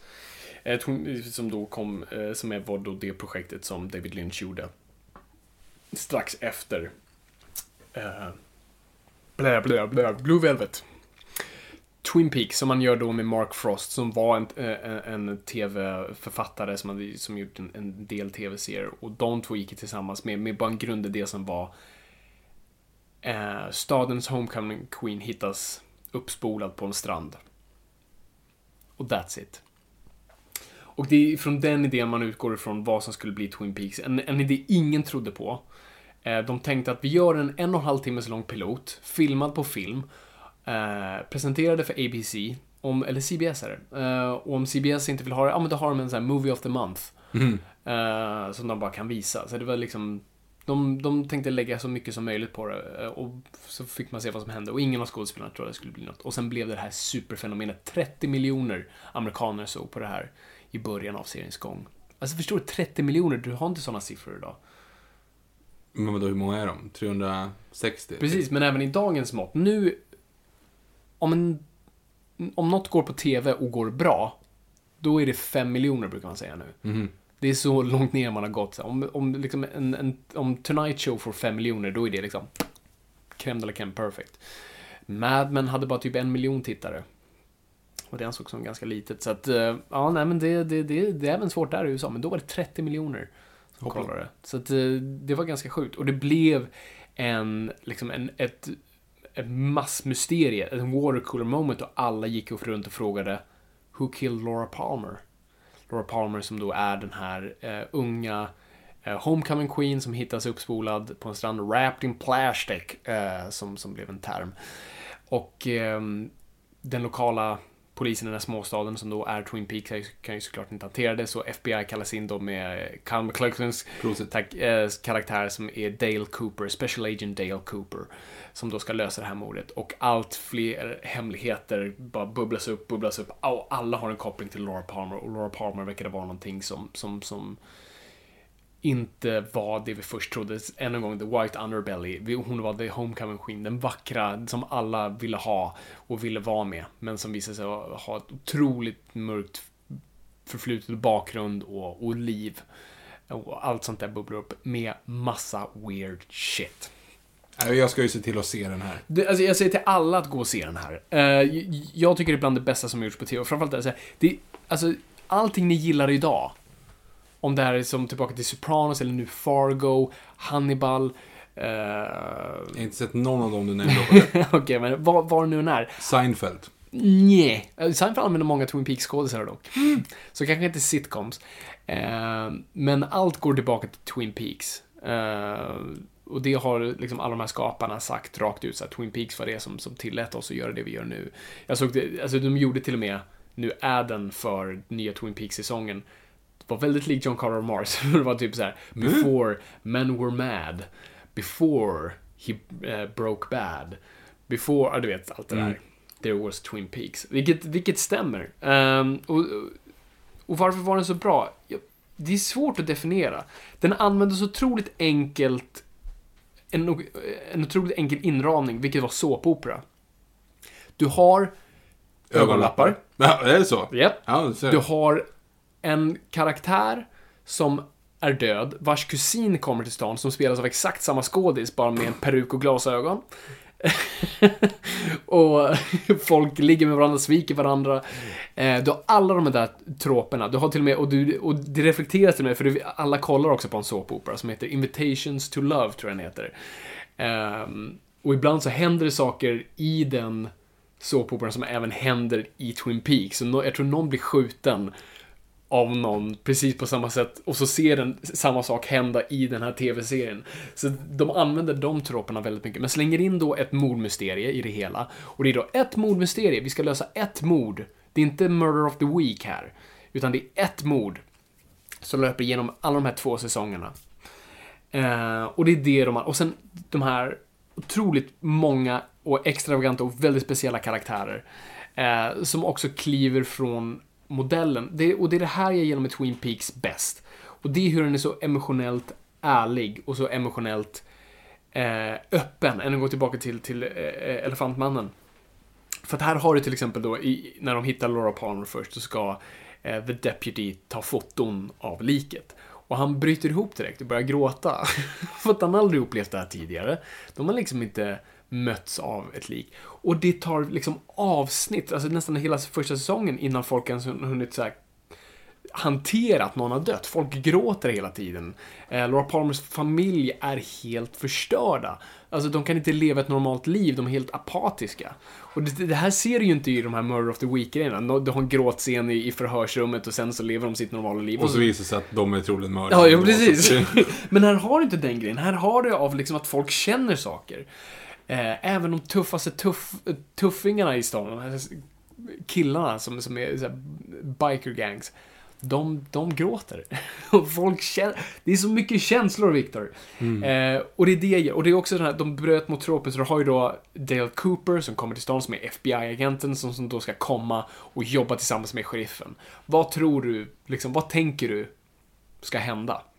Ja, att eh, du svek din egen bror. Och så kommer du tillbaka hit och tror att du ska kunna accepteras. Precis, alltså man, man tar, men direkt, det här hade jag också, det, det hade jag skrivit in en pitch också. Ja men och så har vi, och så har vi storstadspolisen som kommer in och han kommer inte överens med, med lokalpolisen. För mig är familjen helig. Den sviker man inte. Precis. Men här kommer de jättebra överens. Och de verkligen connectar på, ett, på en jättebra nivå. Och, och Dale Cooper är den bästa personen någonsin.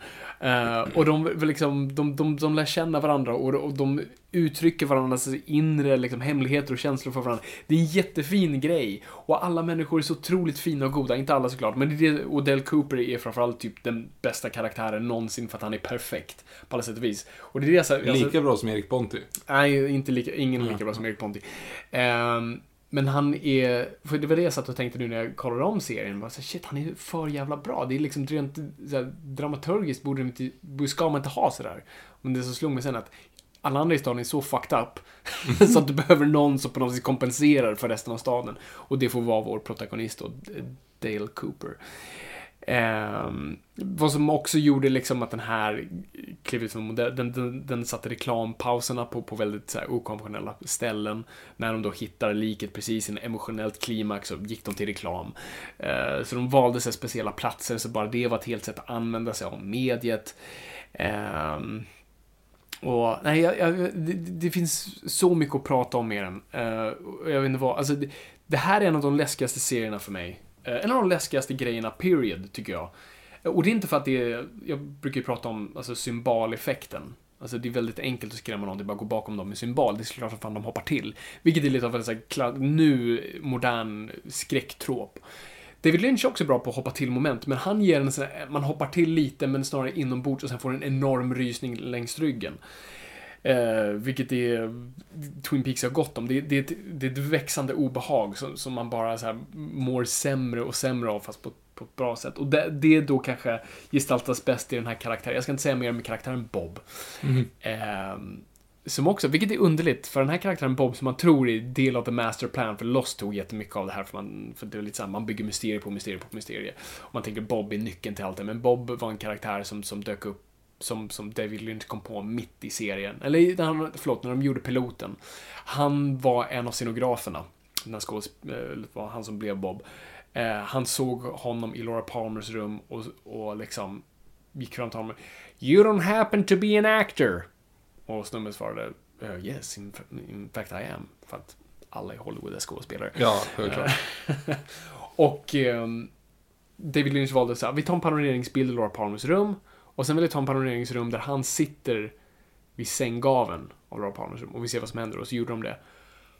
Jag får gåshud nu. Jag, om du ser Victor. Mm, jag ser. För den scenen, jag ska inte säga, ja, det finns en scen där vi först introduceras till Bob och det är en av de mest obehagligaste scenerna jag har varit med om i mitt liv. För när du först ser Bob så tänker du, är det där ett typ monster eller skurk eller vad det nu är, eller vad är det där? Och du tänker så här, "Ah, jag tror det ska vara något annat. Eller så, här, det där, var- det där är det ni valde att liksom place your bets on. Men ju mer du upplever Bob, till slut får jag en pavloviansk reaktion till honom. Så varje gång jag ser honom i, vilk, i vilken ens kontext. Alltså jag får rysningar nu när jag tänker på honom. Alltså jag mår så dåligt, fysiskt dåligt, att, och får panik. Och bara ren och skär rädsla. Och, och, och, och jag kan inte bara, ja, ni måste bara se det. See it to believe till, it. Jag måste se till att se den. Måste säga, ja men särskilt nu, den kommer ju typ nu, det är väl därför vi gör det här avsnittet, inom bara ett par veckor i alla fall. Eh, så, ja, eh, mm. Ehm, ja, nej men så, jag vet inte vad mycket mer jag kan prata om, om, om, om serien. Eh, den, den absolut, folk pratar om i andra säsongen så svackar den, ja. Det finns en stor plotpunkt som händer i säsong två som, jag inte- som jag inte ska avslöja.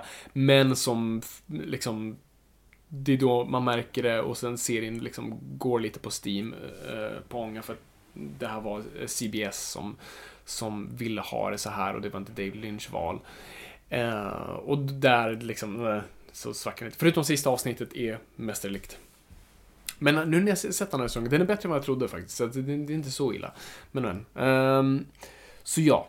Det, var, det, det är Twin Peaks. För guds skull gå och se den. Alltså det, det, det, det är som att inte ha sett Gudfadern eller Citizen Kane när det kommer till film. Alltså man måste ha betat av Twin Peaks. Och jag såg ju Citizen Kane för typ ett halvår sedan, så det är ju grislugnt.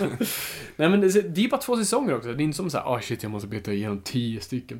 Utan det är två säsonger. Det är bara, det är bara att köra. Will do. Nästa? Nästa. Ja, eh, och då ska vi då såklart eh, gå till vår, till vår bok eh, Catching the Big Fish av David Lynch då.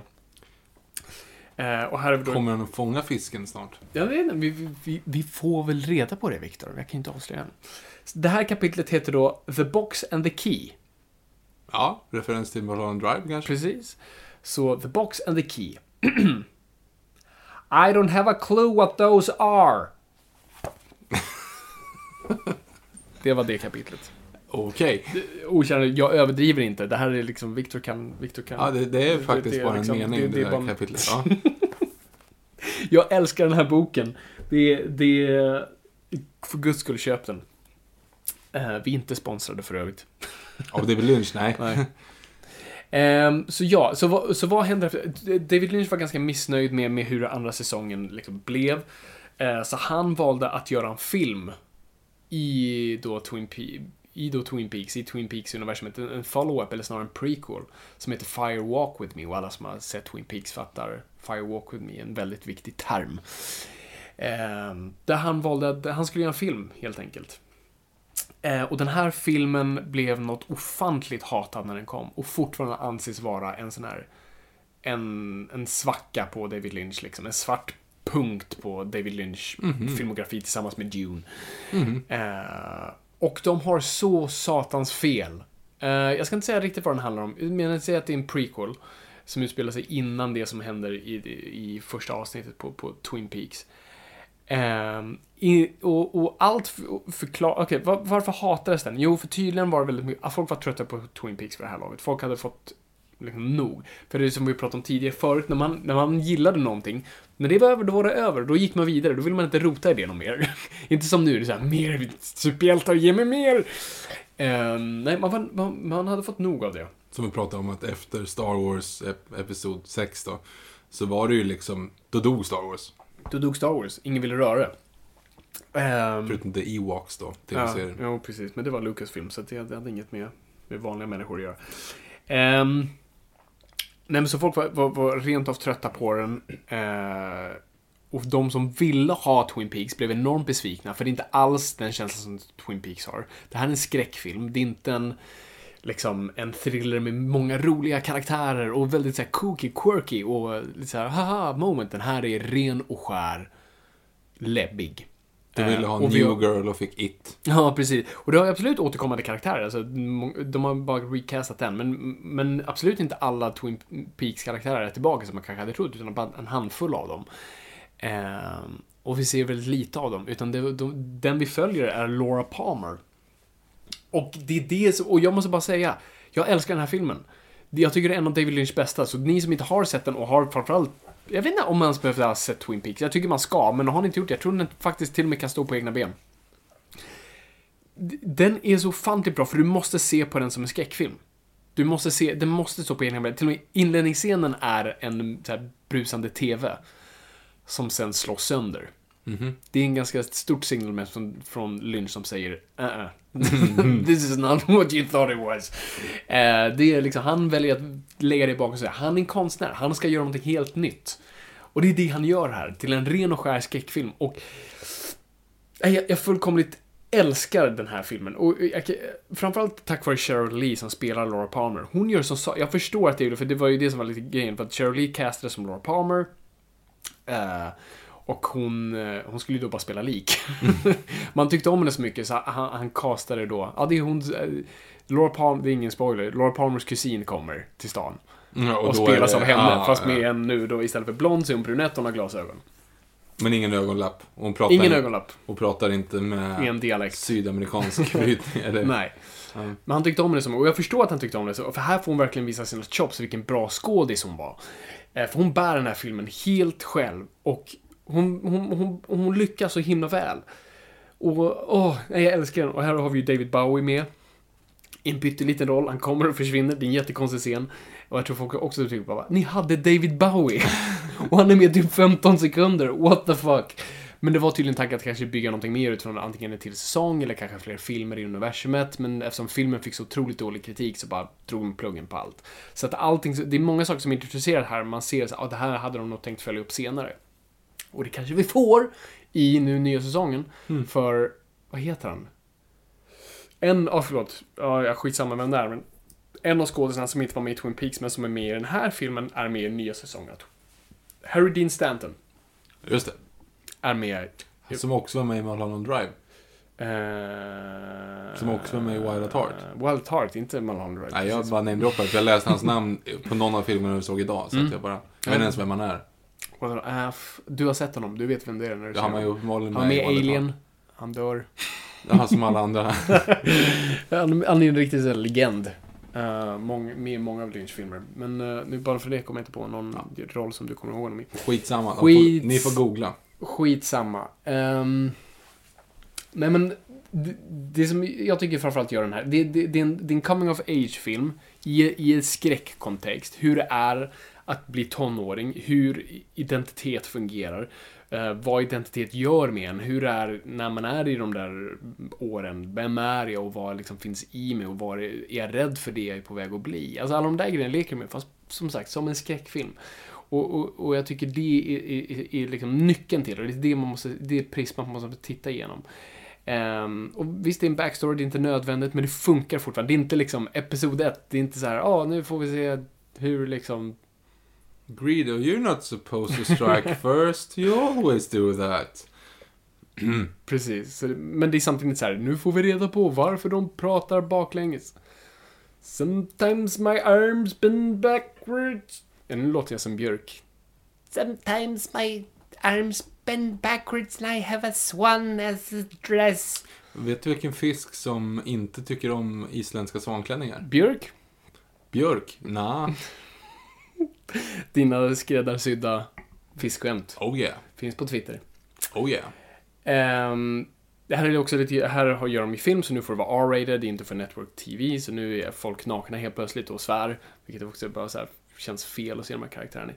Eh, Ja, hur som helst. Nej, men, eh, jag, jag kan inte rekommendera den här filmen eh, nog. Den är svår att få tag på nu, eh, men den går att köpa, om ni köper ehm, om man ska få tag på den nu, alltså, så, så finns den i Blu-ray-boxen.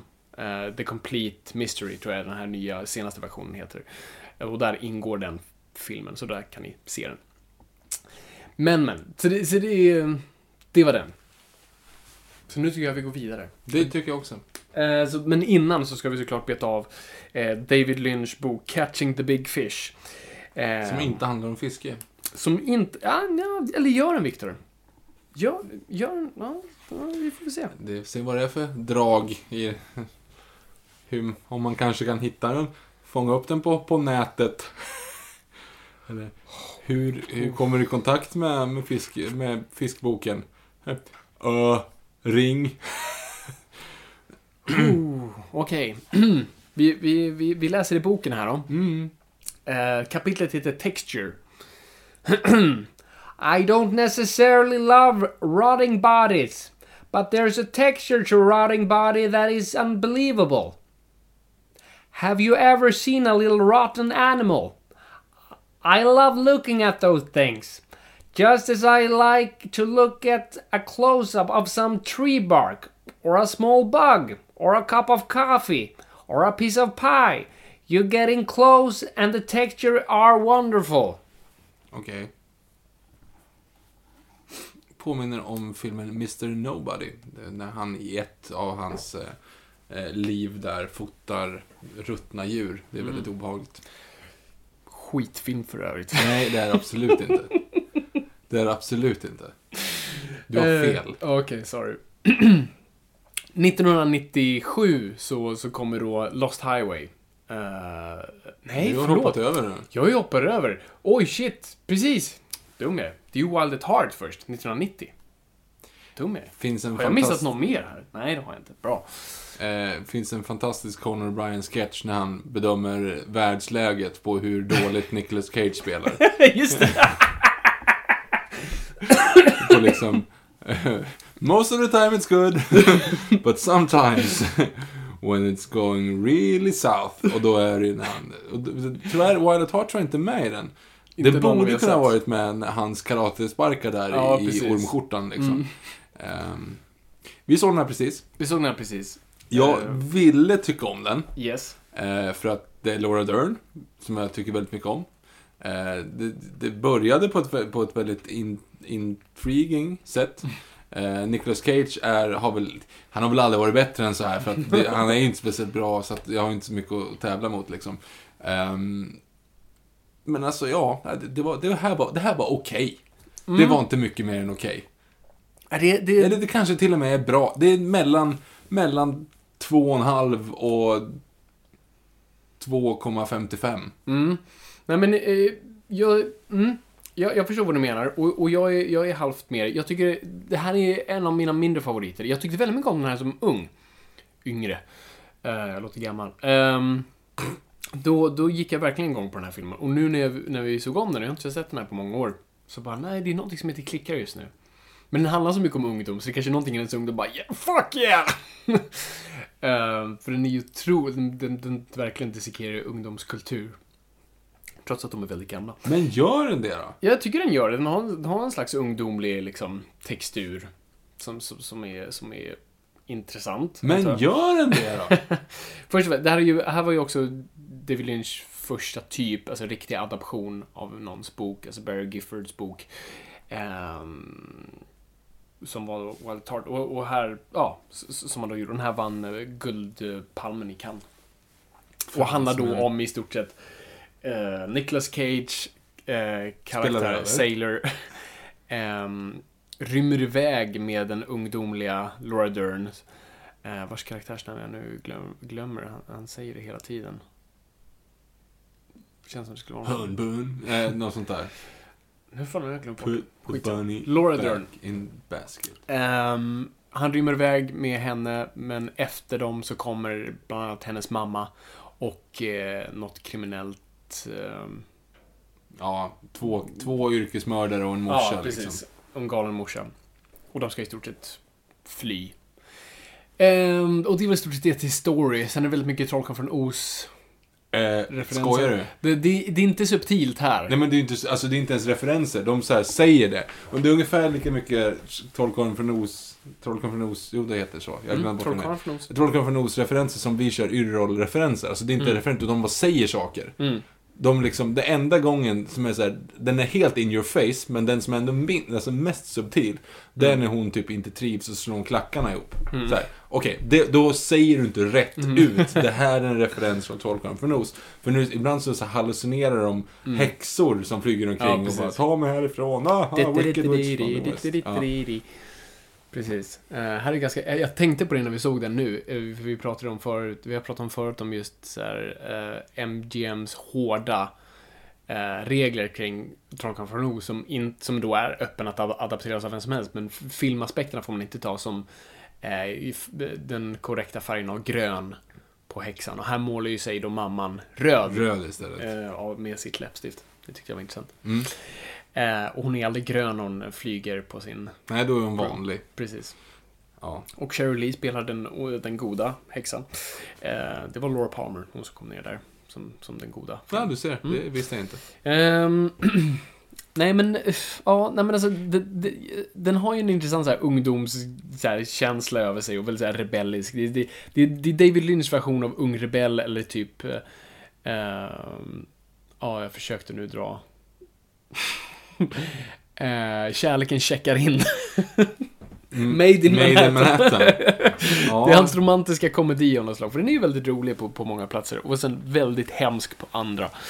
Eh, jag måste ändå säga att eh, Willem Dafoe är ganska briljant. Fast han är ju typ inte det. Det blir för mycket. Han är jätteobehaglig. Det är tillbaka till, till David Lynchs djävulskaraktär som bara genuint onda. Det finns ingenting annat med dem. Liksom no redeeming features överhuvudtaget. Precis. Man till och med, man liksom, Willem Dafoes ansikte räcker inte. Man trycker in löständer. Jag sa det liksom- också så här. Alltså det hade ju räckt med honom. Det är ju det som man tänkte så när, när han blev castad som Green Goblin. Bara perfekt, du behöver inte göra någonting. Och sen satte man den där jävla skithjälmen på honom istället. Mm. Nej, men jag var inte jätteimponerad faktiskt. Nej, nej jag, förstår, jag förstår det. Eh, det, är, det är inte en av hans renaste verk. Definitivt inte. Eh, jag tycker den har många så intressanta grejer i sig. Men den, den, är, den är lite... Nej, den är, Det är Nicolas svår. Cage kanske tredje bästa outfit. Hans ormjacka som då Ormjacka. representerar... It represents... Men han säger My individuality Ja. and my belief in Ja, det, det, personal... det är ju lite, alltså det, som sagt den är ju lite rolig sådär. Ehm, Mm. Men jag är glad att inte, alltså som jag sa innan, jag är glad att vi inte såg den här när vi var 11. Eh, det är väldigt mycket halvnaken Laura Dern alltså. Ja, nej precis. Det, Och, och jättemycket halvnaken Nicolas Cage också. Mm. Men när man hade liksom Ellie Sattler. det det hade, hade blivit en väldigt mindfucky för en, för en som är väldigt intresserad av- av Jurassic Park. Liksom. Ja, jo precis. Många mixade känslor. Ja. Dinosaurier och... Ja, mm. Mm. ja. Genomgående tema för övrigt på David Lynch-filmer jag har sett, Mm. det är boobies. Alltså det är väldigt mycket topless. I Okej. alla, alla David Lynch-filmer, är inte Elefantmannen, men de tre jag har sett. Äh, Jo, det är ju topless men inte av det, det, det kvinnliga könet. Men det är så, det är jättemycket bröst. Mm. Alltså typ hela tiden. Jo, men när du säger det så, jo, du, du, du har en grej där. Han, Det är liksom genom, det känns som att det är hans stick. det, han, det han kanske är hans stick. Han är ingen assman. Han, eller feetman som, som uh, Quentin Tarantino. Ja, just det. Det är mycket fötter istället. Mm. Väldigt mycket fötter. John Travolta har en eh, potatis på tån. Som jag också har nu. Ja, du menar så ja. Ja, precis. strump, alltså hål i strumpan. Hål i strumpan, yes. Ja, Potatis, yes. Okej, ja, nej men så Waller Tart, inte, inte en favvo. nej. Eh, nej, inte en favvo hos mig heller. Det var, det var inte, int- intressant att se den nu i äldre ålder. Den, den, nej, den där följde inte med mig. Jag var tvungen att lämna den. Det är ingen Jack, liksom. Va? Ulf Lundells debutroman. Ja, just en det. definition, en, han satte röst på en generation. Gjorde han? Gjorde han, Victor? Nej, jag, jag, men- jag menar att det, känns som att det är lite det de försöker göra. Liksom. Mm, jag, jag, jag fattar. Nu, känns, nu är det sånt jävla stort hopp mellan 90 och 97. Jag försöker tänka, är det någon film jag missat nu? Det kan jag inte ha gjort. Jag vet inte, det är du som ska kunna här. Han har gjort tio filmer. Precis. Och vi har betat av nu alltså en, två, tre, fyra, fem, sex. Jag säger bara, eh, Lost Highway är det. Det är Lost Highway. Det är Lost Highway. Nu ja, vi har pratat om Lost Highway. Va? Vi har pratat om Lost Highway. Nej, det har inte alls gjort. Bara tart. Men jag tänkte eftersom de är ute på en, en väg Mm. och är lite vilsna i, sin, liksom, i sitt liv. Så Ja, den, tänkte jag Lost handlar Highway. inte, den här handlar inte så mycket om vad, förlora på en väg. Nej, men jag Nej. tänkte att de är ju det i Wild at Heart. Så de är byta, byta Och det, namn. den har ju en koppling till, till Wild at Heart för att han läste den här termen, det här, den här termen i Wild at Heart. Om det inte var det så var det i alla fall en Barry Gifford-bok. Han gillade den titeln. Han, Vadå, Lost Highway? Lost Highway. Han gick igång på det. Eh, Men också var det för att han fick ett tydligen på hans porttelefon. Så ringde någon och eh, någon sa, ja, han svarade och någon sa Dick Laurent is dead. Och sen la på. David Lynch tror att det är en demon av något slag. eh, Så han tänker, det här är en story. Så han går ihop med Barry Gidford som, som han då pratar om, så här, jag gillar den där termen. Ja, men då skriver jag ett manus om det. Och det blir då Lost Highway. Hmm. Som jag tycker riktigt mycket om. Eh, Det handlar om, Bill Pullman spelar en, en, en saxofonist. Eh, som har ett dåligt förhållande med sin fru Patricia Arquette. Eh, han, de får börja få hem så här, vi, eh, VHSer. Som först filmar deras hem. Eh, utifrån. Men sen varje liksom videoband visar så här, filmar inuti deras hem och sen filmar de när de sover. Så någon är uppenbar. Bra, bra stick, måste jag säga. Eller hur? Det är lite obehagligt. Mm. Eh, Ungefär som One Hour Photo med Robbie Williams. Ja, precis. Detta resulterar till slut, jag ska inte berätta hur, men, men Bill Pullman anklagas för att mm, ha mördat Patricia Arquette. Mhm. Så han döms till döden. Nu, jag vet inte hur långt jag ska gå. Nej, stoppa där. Jag stoppar där. Men, men hur som helst, karaktärer blir andra karaktärer och någon som var någon visar sig vara någon annan fast egentligen inte. Det är lite rörigt. och det dras in maffia och andra grejer och eh, troligtvis djävulen, vi vet inte hur. Eh, för det är det här som är ganska roligt. Eh, det finns då en karaktär här som heter The Mystery Man. Mhm. Som många, många spekulerar är djävulen. Eh, sp- eh, spelas av, en eh, skådespelare som heter Robert Blake. Ehm, och tydligen då, David Lynch var väldigt... Mycket av det som inspirerade den här filmen var O.J. Simpson-rättegångarna. Han fann det otroligt obehagligt. Eh, oba han fann O.J. Simpson enormt obehaglig. Ehm, så han, det låg i bakhuvudet när han gjorde den här filmen. Eh, och så, och O.J. Simpson, som vi vet, mördade sin fru. Eller? Han blev frikänd. Den, den där handsken, den passar ju inte. Nej. Ehm, den här filmen ha- har också, handlar också om konceptet... Kan inte bli bedömda för förtal om vi säger att han faktiskt blev... Vi måste... Han Ja, blev det. frikänd. Allegedly så Ja, har det. han mördat sin Ja, fru. just det. Det är skillnad. Mm. Det vi säger nu, vi, så, allegedly, jag vet inte vad som troligtvis, Ja, eller kan man väl säga. anklagades för. Alltså, du kan ju inte säga att han... Han är absolut inte... Han blev inte dömd, så att han är ju Nej, oskyldig. nej, det är sant. Uh, O.J. Simpson kanske mördade sin fru. Nej, han gjorde Nej, inte det, för han- att han är frikänd. Okej, eh, let's go with that. Hur som helst, O.J. Simpson. Ehm, den här filmen handlar om att mörda sin fru. Robert Blake, eh, några år senare, mördade sin fru. Hoppla. Eh, så det, det, det verkar vara ett genomgående tema runt den här filmen. Och just att han spelar djävulen gör det bara obehagligare. Ehm, den här filmen ska utspela sig i Twin Peaks-universumet, vilket gör att jag älskar universumtänk, eh, som, som, som ni säkert vet. Eh, den har ingen som helst koppling till Twin Peaks. Det är inga karaktärer, det är inga liksom så här, det är ingen som någon nämner så här, åh, Twin Peaks. Den ska tydligen bara utspela sig, och jag gillar den tanken, för då, då, det, det betyder att filmen, liksom, den, den spelar under andra regler än vad som är vår värld. Eh, jag gillar det. Ehm, den här filmen är ganska weird.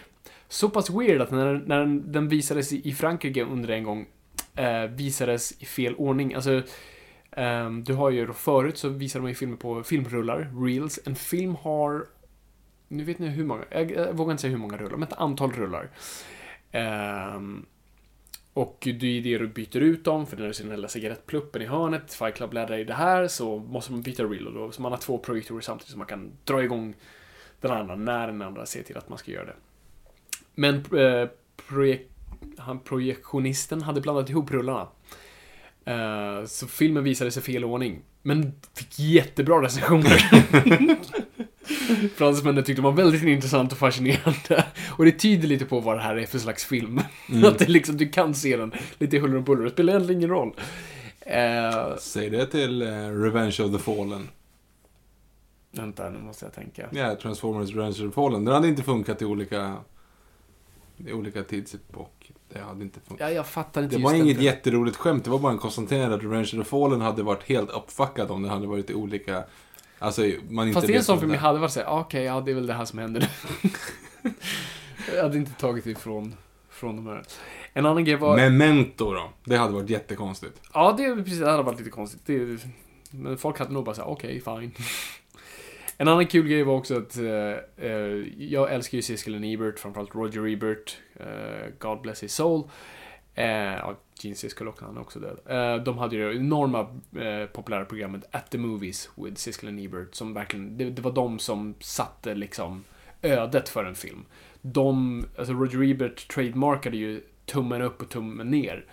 Eh, det var ju deras grej. Man gav en film tummen upp eller tummen ner. De hade inget så annat ratingsystem. Thumbs up, thumbs down. Och Roger Ebert liksom satte... Så jag vet inte om Facebook var tvungen att betala dem typ pengar. Vadå, like? För att liksom sin like, tummen upp. eh, Du kan ju kolla Tecken. på Roland Emmerichs Godzilla från 98 annars för att få mer info om det där. pratar de om, om de där? Eh, ja, det är, ju- de är ju karaktärer i filmen ju. Har jag missat att de är... Ska ju borgmästaren se ut som Ebert? Och hans grej är Jaha. Thumbs Up New York. Jaha. Du vet, de driver ju med det. Han, och han är ju typ dum i huvudet. Alltså Jaha. det är ju liksom... Det är ju bara för Roland Emmerichs filmer har blivit toksågade Jaha, genom hela hans det- karriär. Så de, han tokhämnas ju på dem genom att sätta dem i filmen som Det typ den elakaste karaktären i hela. Det gjorde ju eh, Larry David också. Hade Larry David gjort en film? Ja, jag tror han hade. Jo, Larry David hade gjort en film som också fick thumbs down av eh, Roger Ebert.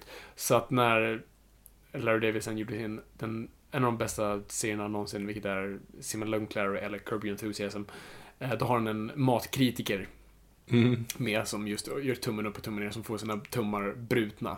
Så han sitter i, liksom i eh, cement, eller på att säga. Gips. Gips. och kan inte ratea längre. Så det var också en sån här. Men Roger Ebert tydligen älskade det avsnittet, så jag antog det bara som en komplimang. Hur som helst. Så att en film verkligen levde eller dog vid deras tummar.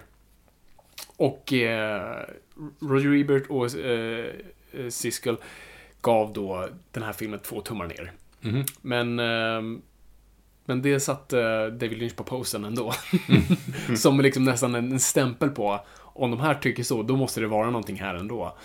Eh, Så han skyltade med, med dåliga betyg. Den- fick ganska mixat. Eh, Jag gillar den här.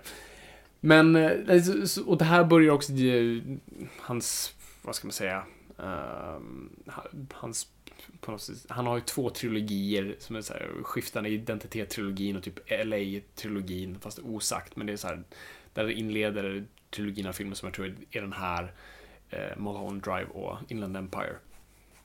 Eh, så det var de grejerna.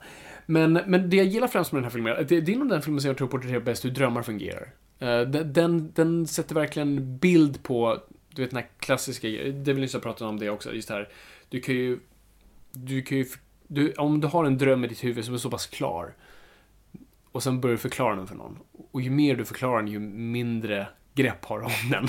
Du kan aldrig förmedla en dröm nästan verbalt. Och sen, och, men det var framförallt den här filmen förkroppsligar är när du säger, du vet, du var i min dröm, fast du var inte du, fast du var du. Och jag, jag var jag, fast jag var inte jag. Jag var du. du vet den grejen. Och det lyckas han gestalta här jättebra, tycker jag.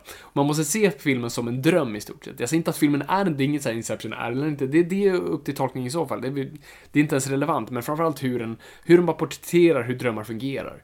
Eh, Och identitet i drömmar. Det är, det är en nyckel till den. Typ som Synecdoche i New York. Synecdoche i New York är exakt en sån film. Den, den, verk, den gör det också på ett väldigt bra sätt. Jag plötsligt har en tatuering på ryggen och ett hus som brinner hela tiden. Alltså det, Jag har somnat den. jag, jag vet att du gjorde på, På bio. På bio. S- Du ramade in posten. Vi hade kanske an, annorlunda upplevelser. ja, filmen. jo, jo, precis. Men jag, jag måste se om den där.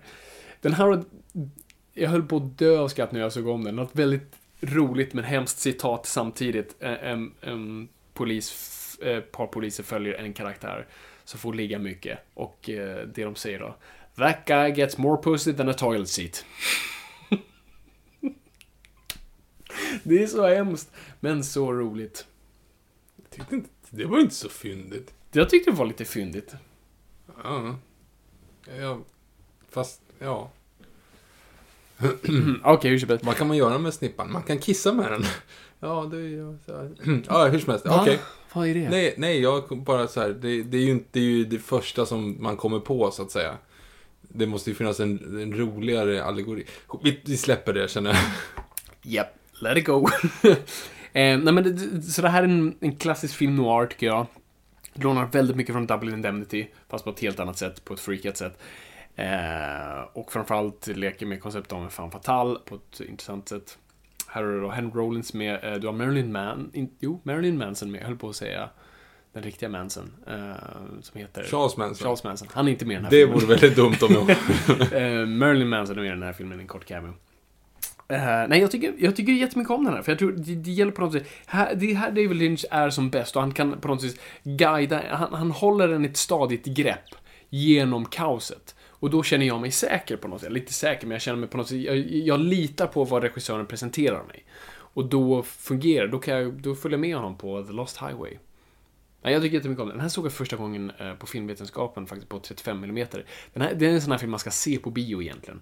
Så det är svårt att säga att folk, gå och se den på bio. Eh, det går inte. Men eh, om den visas på Cinemateket någon gång, då kan jag verkligen rekommendera att se den här på bio. Det är verkligen en bra bioupplevelse. Ehm, så det är den. Nice. Så vi, vi går vidare. Eh, Vi går så, vidare. så nu, nu ska jag läsa ur, jag tror jag glömde det här. Den förra filmen. Skitsamma. David Lynch då, Catching the Big Fish. Som den då heter. Som inte handlar om fiske. Som inte handlar om fiske, eller något slags fiske kanske. Ehm, det här kapitlet heter då Fire. Och det lyder då så här. Sitting in front of a fire is mesmerizing. It's magical. I feel the same way about electricity and smoke and flickering lights. Det... det... Okej. Mm. Här nämns ju faktiskt Flickering Lights. Här, nu har vi, Ja, nu är just vi det. ju på något, nu har vi bevis. Nu förklarar han ju saker. Shit, han visste inte om det. Nej. Vi, vi, vi vecklar upp saker här. Ni hörde det här först i Noipod. Nej, ni hörde hos Kermode först då.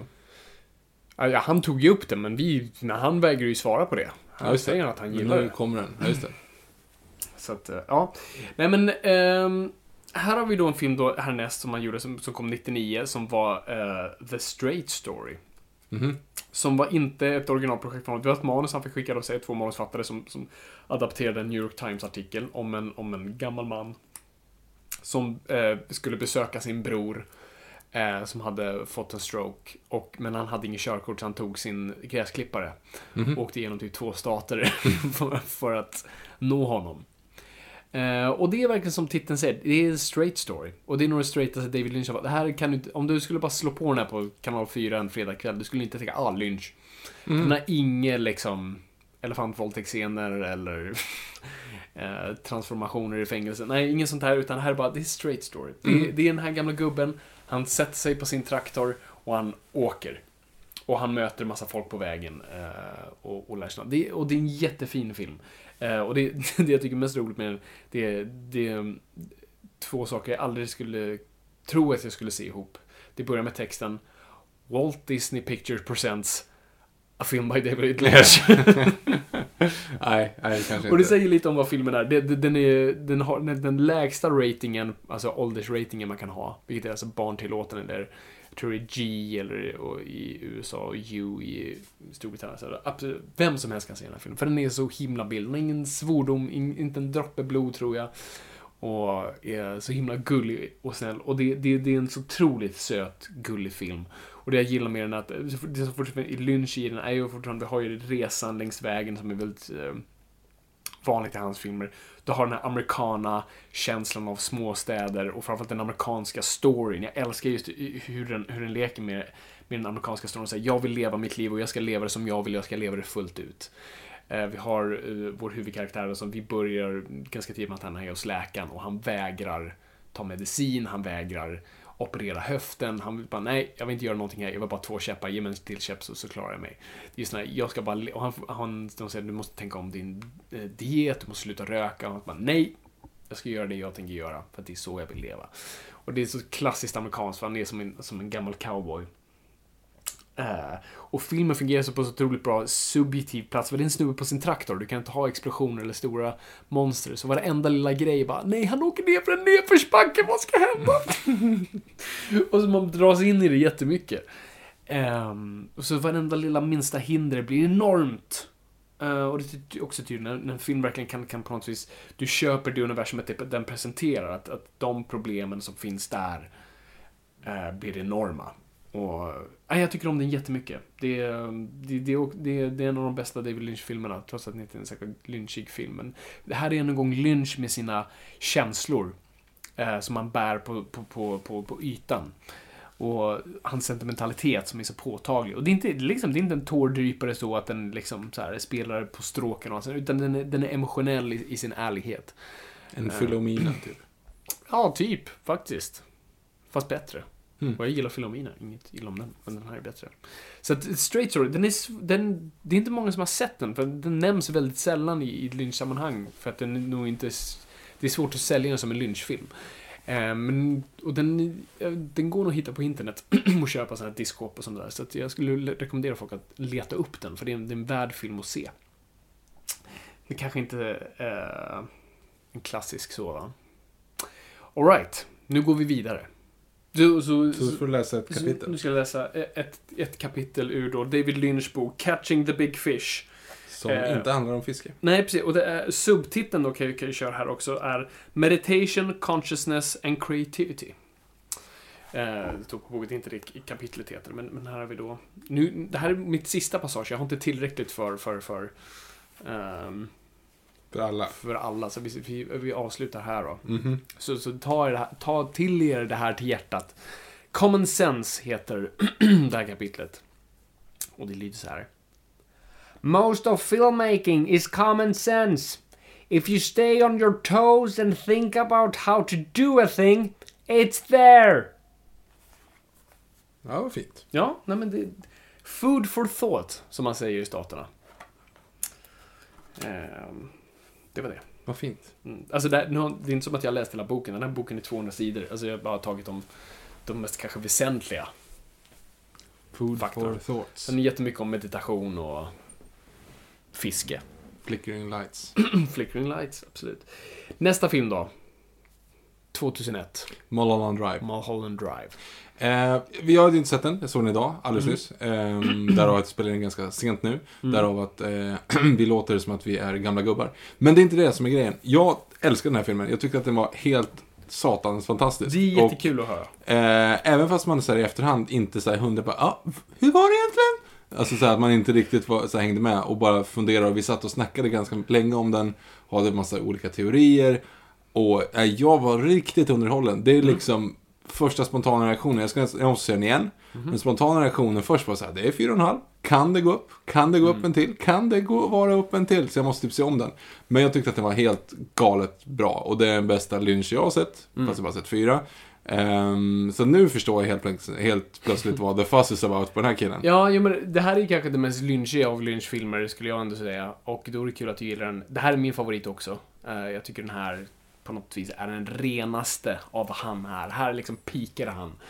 eh, helt klart som skapare. Där alla hans liksom känslor och, och talang bara knöts ihop i en perfekt båge. Eh, och det är Mulholland Drive. Eh, det som är så kul med den här filmen är att det först gjordes som tv-pilot. Eh, Så de filmade med, med alla de här skådespelarna filmade vad som skulle bli en lång story. En, liksom, det här skulle bli nya Twin Peaks typ. Eh, presenteras för ABC. Eh, tydligen den eh, executiven som, som fick då piloten leverera till sig, kollade på den medan han åt frukost, gjorde några samtal, kokade kaffe och han skruvade ner volymen för att vara lite för högt. Så de tackade nej. så det blev ingenting av den här. Eh, men fransmännen fick höra om det och de sa Oh, Mr. Lynch, would you like to do, uh, the, would you like to do the, the film? Och han sa, No, I don't see a film. It's a TV pilot. It's a long story. I can't do it. Eh, men till slut med lite övertalning och tankar så, så tänkte han, ah, men fan, okej, jag skriver om manuset. Så han skrev om manuset och sen så tog han tillbaka skådespelaren och filmade nya scener. Och då är min fråga till dig Victor, kunde du märka det här? Att det är filmat typ två år emellan? Nej, absolut Nej, inte. för det är sånt perfekt ihopsytt verk. Och, man, och när man tänker på det så bara, va? Hur var det tänkt förut? Det är så perfekt Jag, ihopsatt. jag hade ingen aning om det, jag- förrän du säger det nu. Nej, absolut inte. Det märktes inte alls. Nej. Det, det, det är det som är så kul med den. Eh, det handlar då om, ja gud, nu tillbaks till handling. uh, Naomi Watts eh, karaktär Betty kommer till eh, Los Angeles för att söka sina drömmar som skådespelerska. Hon får hyra en lägenhet ganska billigt på grund av släktingar. Men det hon finner i sin lägenhet är en kvinna som har bott där eh, ett tag. Eller ett litet tag. Som, som var med om en olycka och hon minns inte vem hon är. Och hon har bara en väska full med pengar och hon vet inte varför. Och de inleder en, en, en relation i ett, som inleder ett mysterium vem den här kvinnan är och var hon kommer ifrån. Och samtidigt följer vi eh, Justin Theroux som, som en eh, regissör som försöker få en film gjord. Eh, men eh, Hollywood-hierarkin verkar gå djupare än vad han tror. För att han måste välja en skådis som den här pyramiden vill. Annars kommer hemska saker hända. Och det är i stort sett det man kan säga. Sen inleder ett stort mysterium och sen väldigt konstiga saker. Ja, jag tycker den var jättebra. Jag tycker den är skitbra. Eh, varför, alltså bortsett från allt flum runt omkring och, och framförallt, det går inte riktigt att säga twist, men, men den här, det finns ju en grej som får en att bara... Men du behöver ju inte... Du, jag tycker inte att den är så flummig. Nej, den är inte så flummig, men den är, alltså, Ja, men det- den, den är är- en huvudknytare, helt klart. Jo, jo, men det, det är ju bara... Alltså, Ja, det är menar, det är ju jag- skill- skillnaden är ju Absolut. att zooma in ett element och ha liksom en, här, en, en kvinna som uppträder i elementet. Det, är- det är flummigt. Mm. Men den här är inte flummig på det sättet. Nej, inte på det sättet. Du har ju lite så här, typ ett troll och... Uh, miniversioner av gamla... Ja, det har ju lite sådana här Jo, små men grejer. det är ju små, det är ju små grejer Ja, ja, i absolut. dubbel bemärkelse. Nej, det, det är absolut flummigare uh, scener. Men eh, definitivt.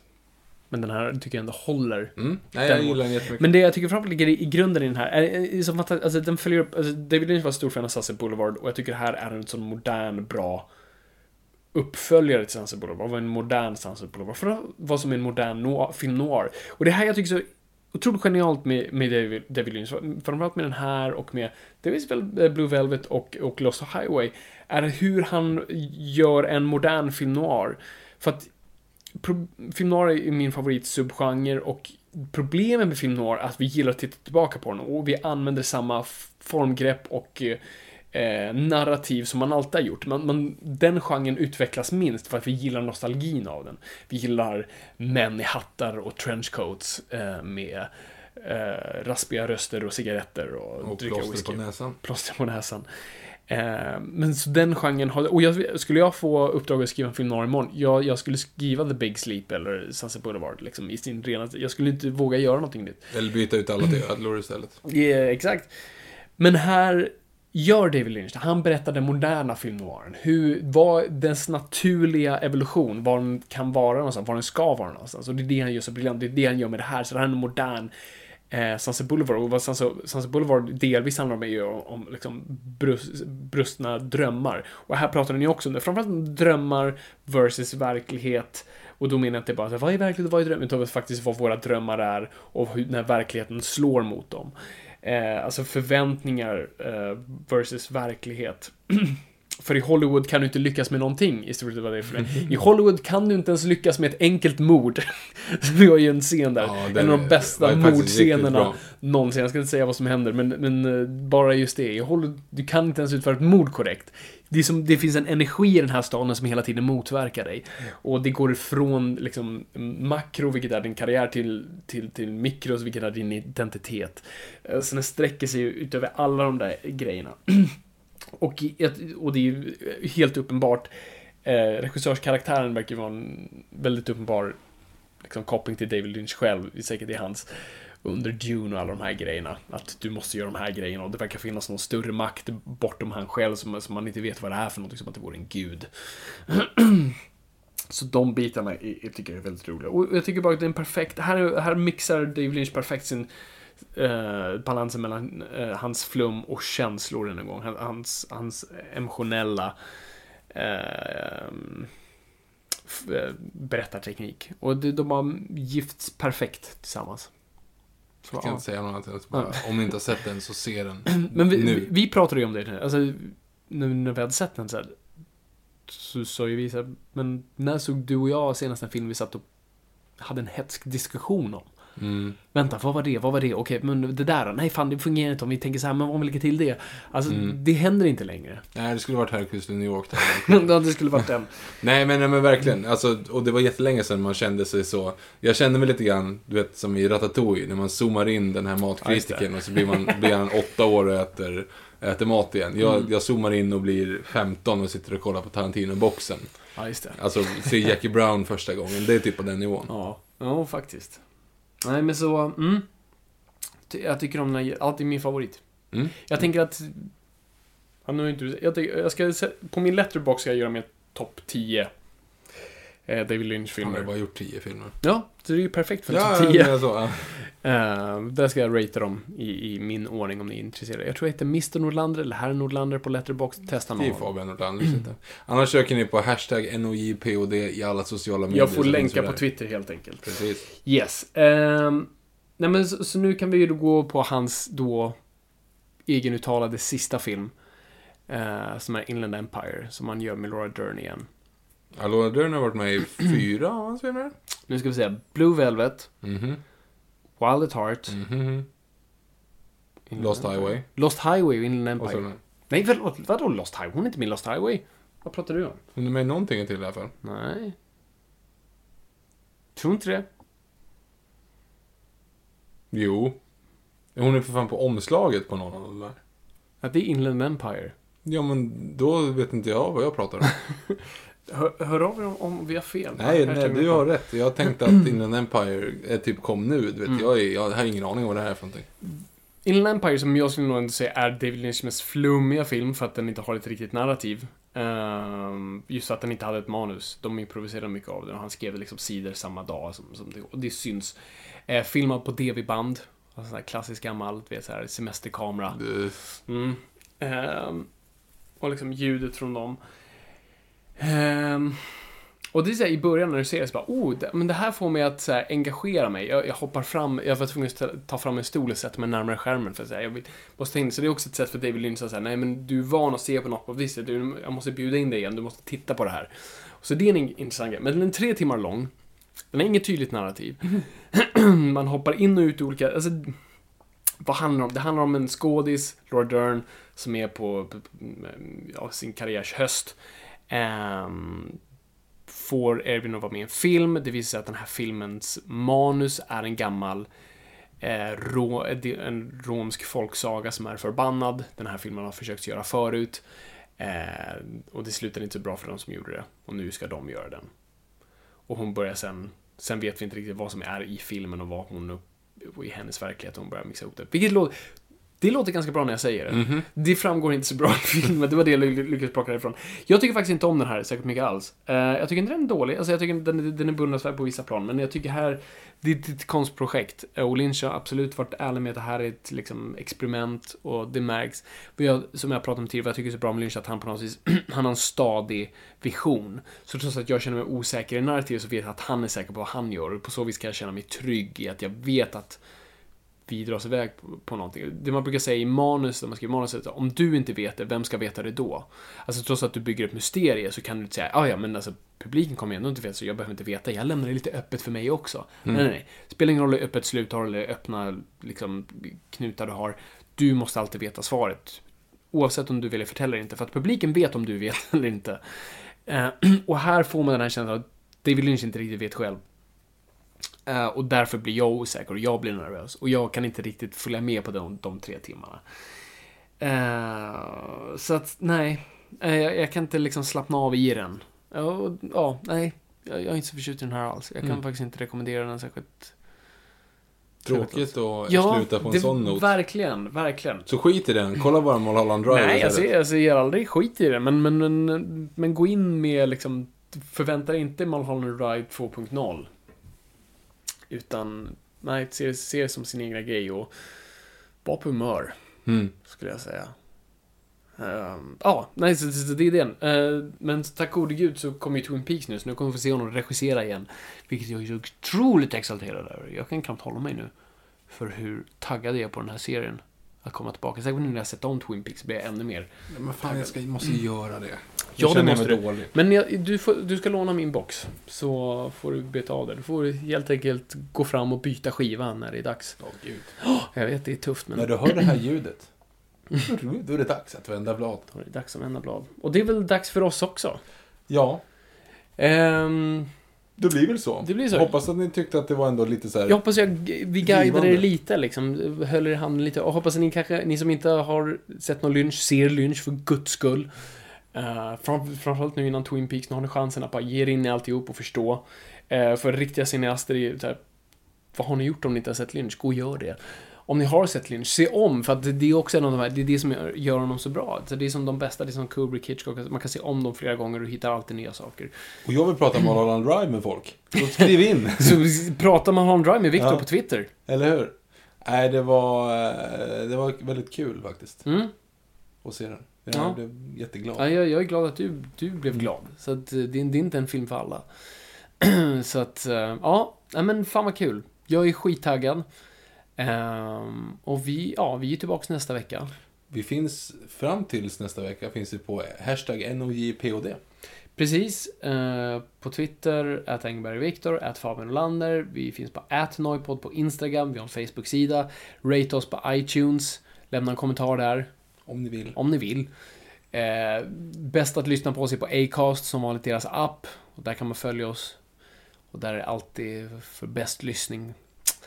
Eh, det är väl det. Och nästa vecka är vi tillbaka med Elseworlds. Japp, Då jag inte riktigt vet vad vi ska prata om, men det listar vi ut. det löser vi. Och så en frågestund på det. Men det går vi ut med på, på sociala medier när det är dags. Eller hör av er på hashtag Noipod innan. Men var tydliga då med att säga fråga till podden.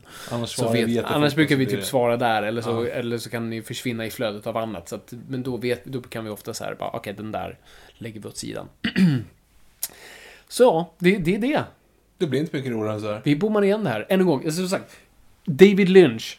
Catching the big fish. Köp den, eller köp den till någon ni tycker om. Är ni kreativa människor, eller bara liksom, ni, ni vill veta lite saker om kreativitet.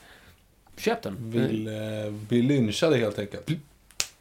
Lynchad. Som man förvisso, det, fin- ja, det finns ändå en person egentligen, det finns bara en person egentligen som är liksom ehm, folk, alltså lynchad av folket sådär. Egentligen i, i Sveriges historia. Vem var det? Axel von Fersen. Under begravningståget av prins. August. Vad, vad gjorde han? Eh, egentligen ingenting. Grejen var ju att det var ju när eh, eh, Gustav III gjorde ju en revolt. Ja. eh, blev envåldshärskare. Hans, han blev skjuten på Operan. Hans son, Gustav IV, påhittigt namn, eh, var ju sådär liksom. Blev avsatt. Eh, de tog då Gustav IIIs brorsa, eh, hertig Karl. Satte in honom, han var gammal, hade inga barn. Han adopterade en dansk prins som heter August. Så att han ska bli kung. Honom ska vi ha. Prins August då, eh, han var ju inte son till sin far. Eh, vilket är fallet med presidenten. Eh, så att han då var egentligen inte blodsband då med Gustav III som de ville ha. Så att Gustav IIIs unge, som då var liten och, och eller Gustav IVs unge menar jag, som var liten och svag. Skitsamma, det var långsiktigt. Axel von Fersen tyckte att Gustav IVs barn skulle bli kronarvinge, Men han som var kung adopterade en, en dansk istället. Eh, och den här dansken, han dog av ett slaganfall, typ 40 år gammal. Ramlade av en häst bara, dog. Och eh, på begravningståget, då började de att sprida en massa rykten så här, på stan om att det är Axel von Fersen som har mördat honom egentligen. Och Axel von Fersen då, han var med i begravningståget. Så helt plötsligt så började bara en folkhop liksom bara slita ut honom i vagnen och stampa på honom Jävlar. tills han dog. Shit. Utanför slottet. Så där sög. Ja, det, det är definitivt. Han hade för övrigt en affär med eh, Kirsten Dunst. Eh, det är ju han... Är det Tom Hardy? Precis. Det är ju Axel von Fersen. Shit. Mm. Stackars Tom Hardy. Ja, då var han säkert... Det, men det är ju efter det han liksom kom tillbaka som Bane, liksom. Ja, ja, precis. Så att... De Uh, hoppade på hans eh, bröstkorg. Doesn't matter who we are. What matters is our plan. Precis. No one cared who I was until I put on the mask. Och det var ju för att folkhopen hoppade på hans bröst. precis! Där du det. Ja. Då löste vi det problemet Då också. har vi lö- Fan, världsproblem här, Viktor. Mm. Nordkorea nästa avsnitt. Ja, det tar Ja, okej, nu bommar vi igen det här. Tack så jättemycket för att ni har lyssnat. Det är kul att vara lyssnad. Och kom ihåg folk, ingenting är för nördigt.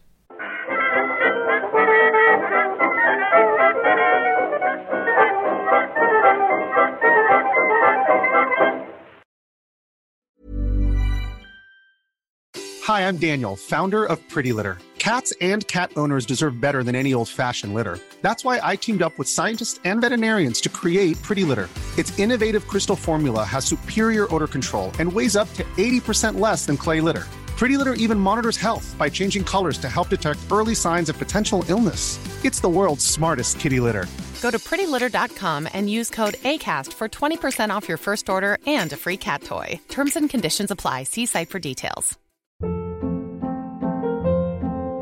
Hold up. What was that? Boring. No flavor. That was as bad as those leftovers you ate all week. Kiki Palmer here, and it's time to say hello to something fresh and guilt-free. Hello Fresh. Jazz up dinner with pecan-crusted chicken or garlic butter shrimp scampi. Now that's music to my mouth. Hello Fresh. Let's get this dinner party started. Discover all the delicious possibilities at hellofresh.com.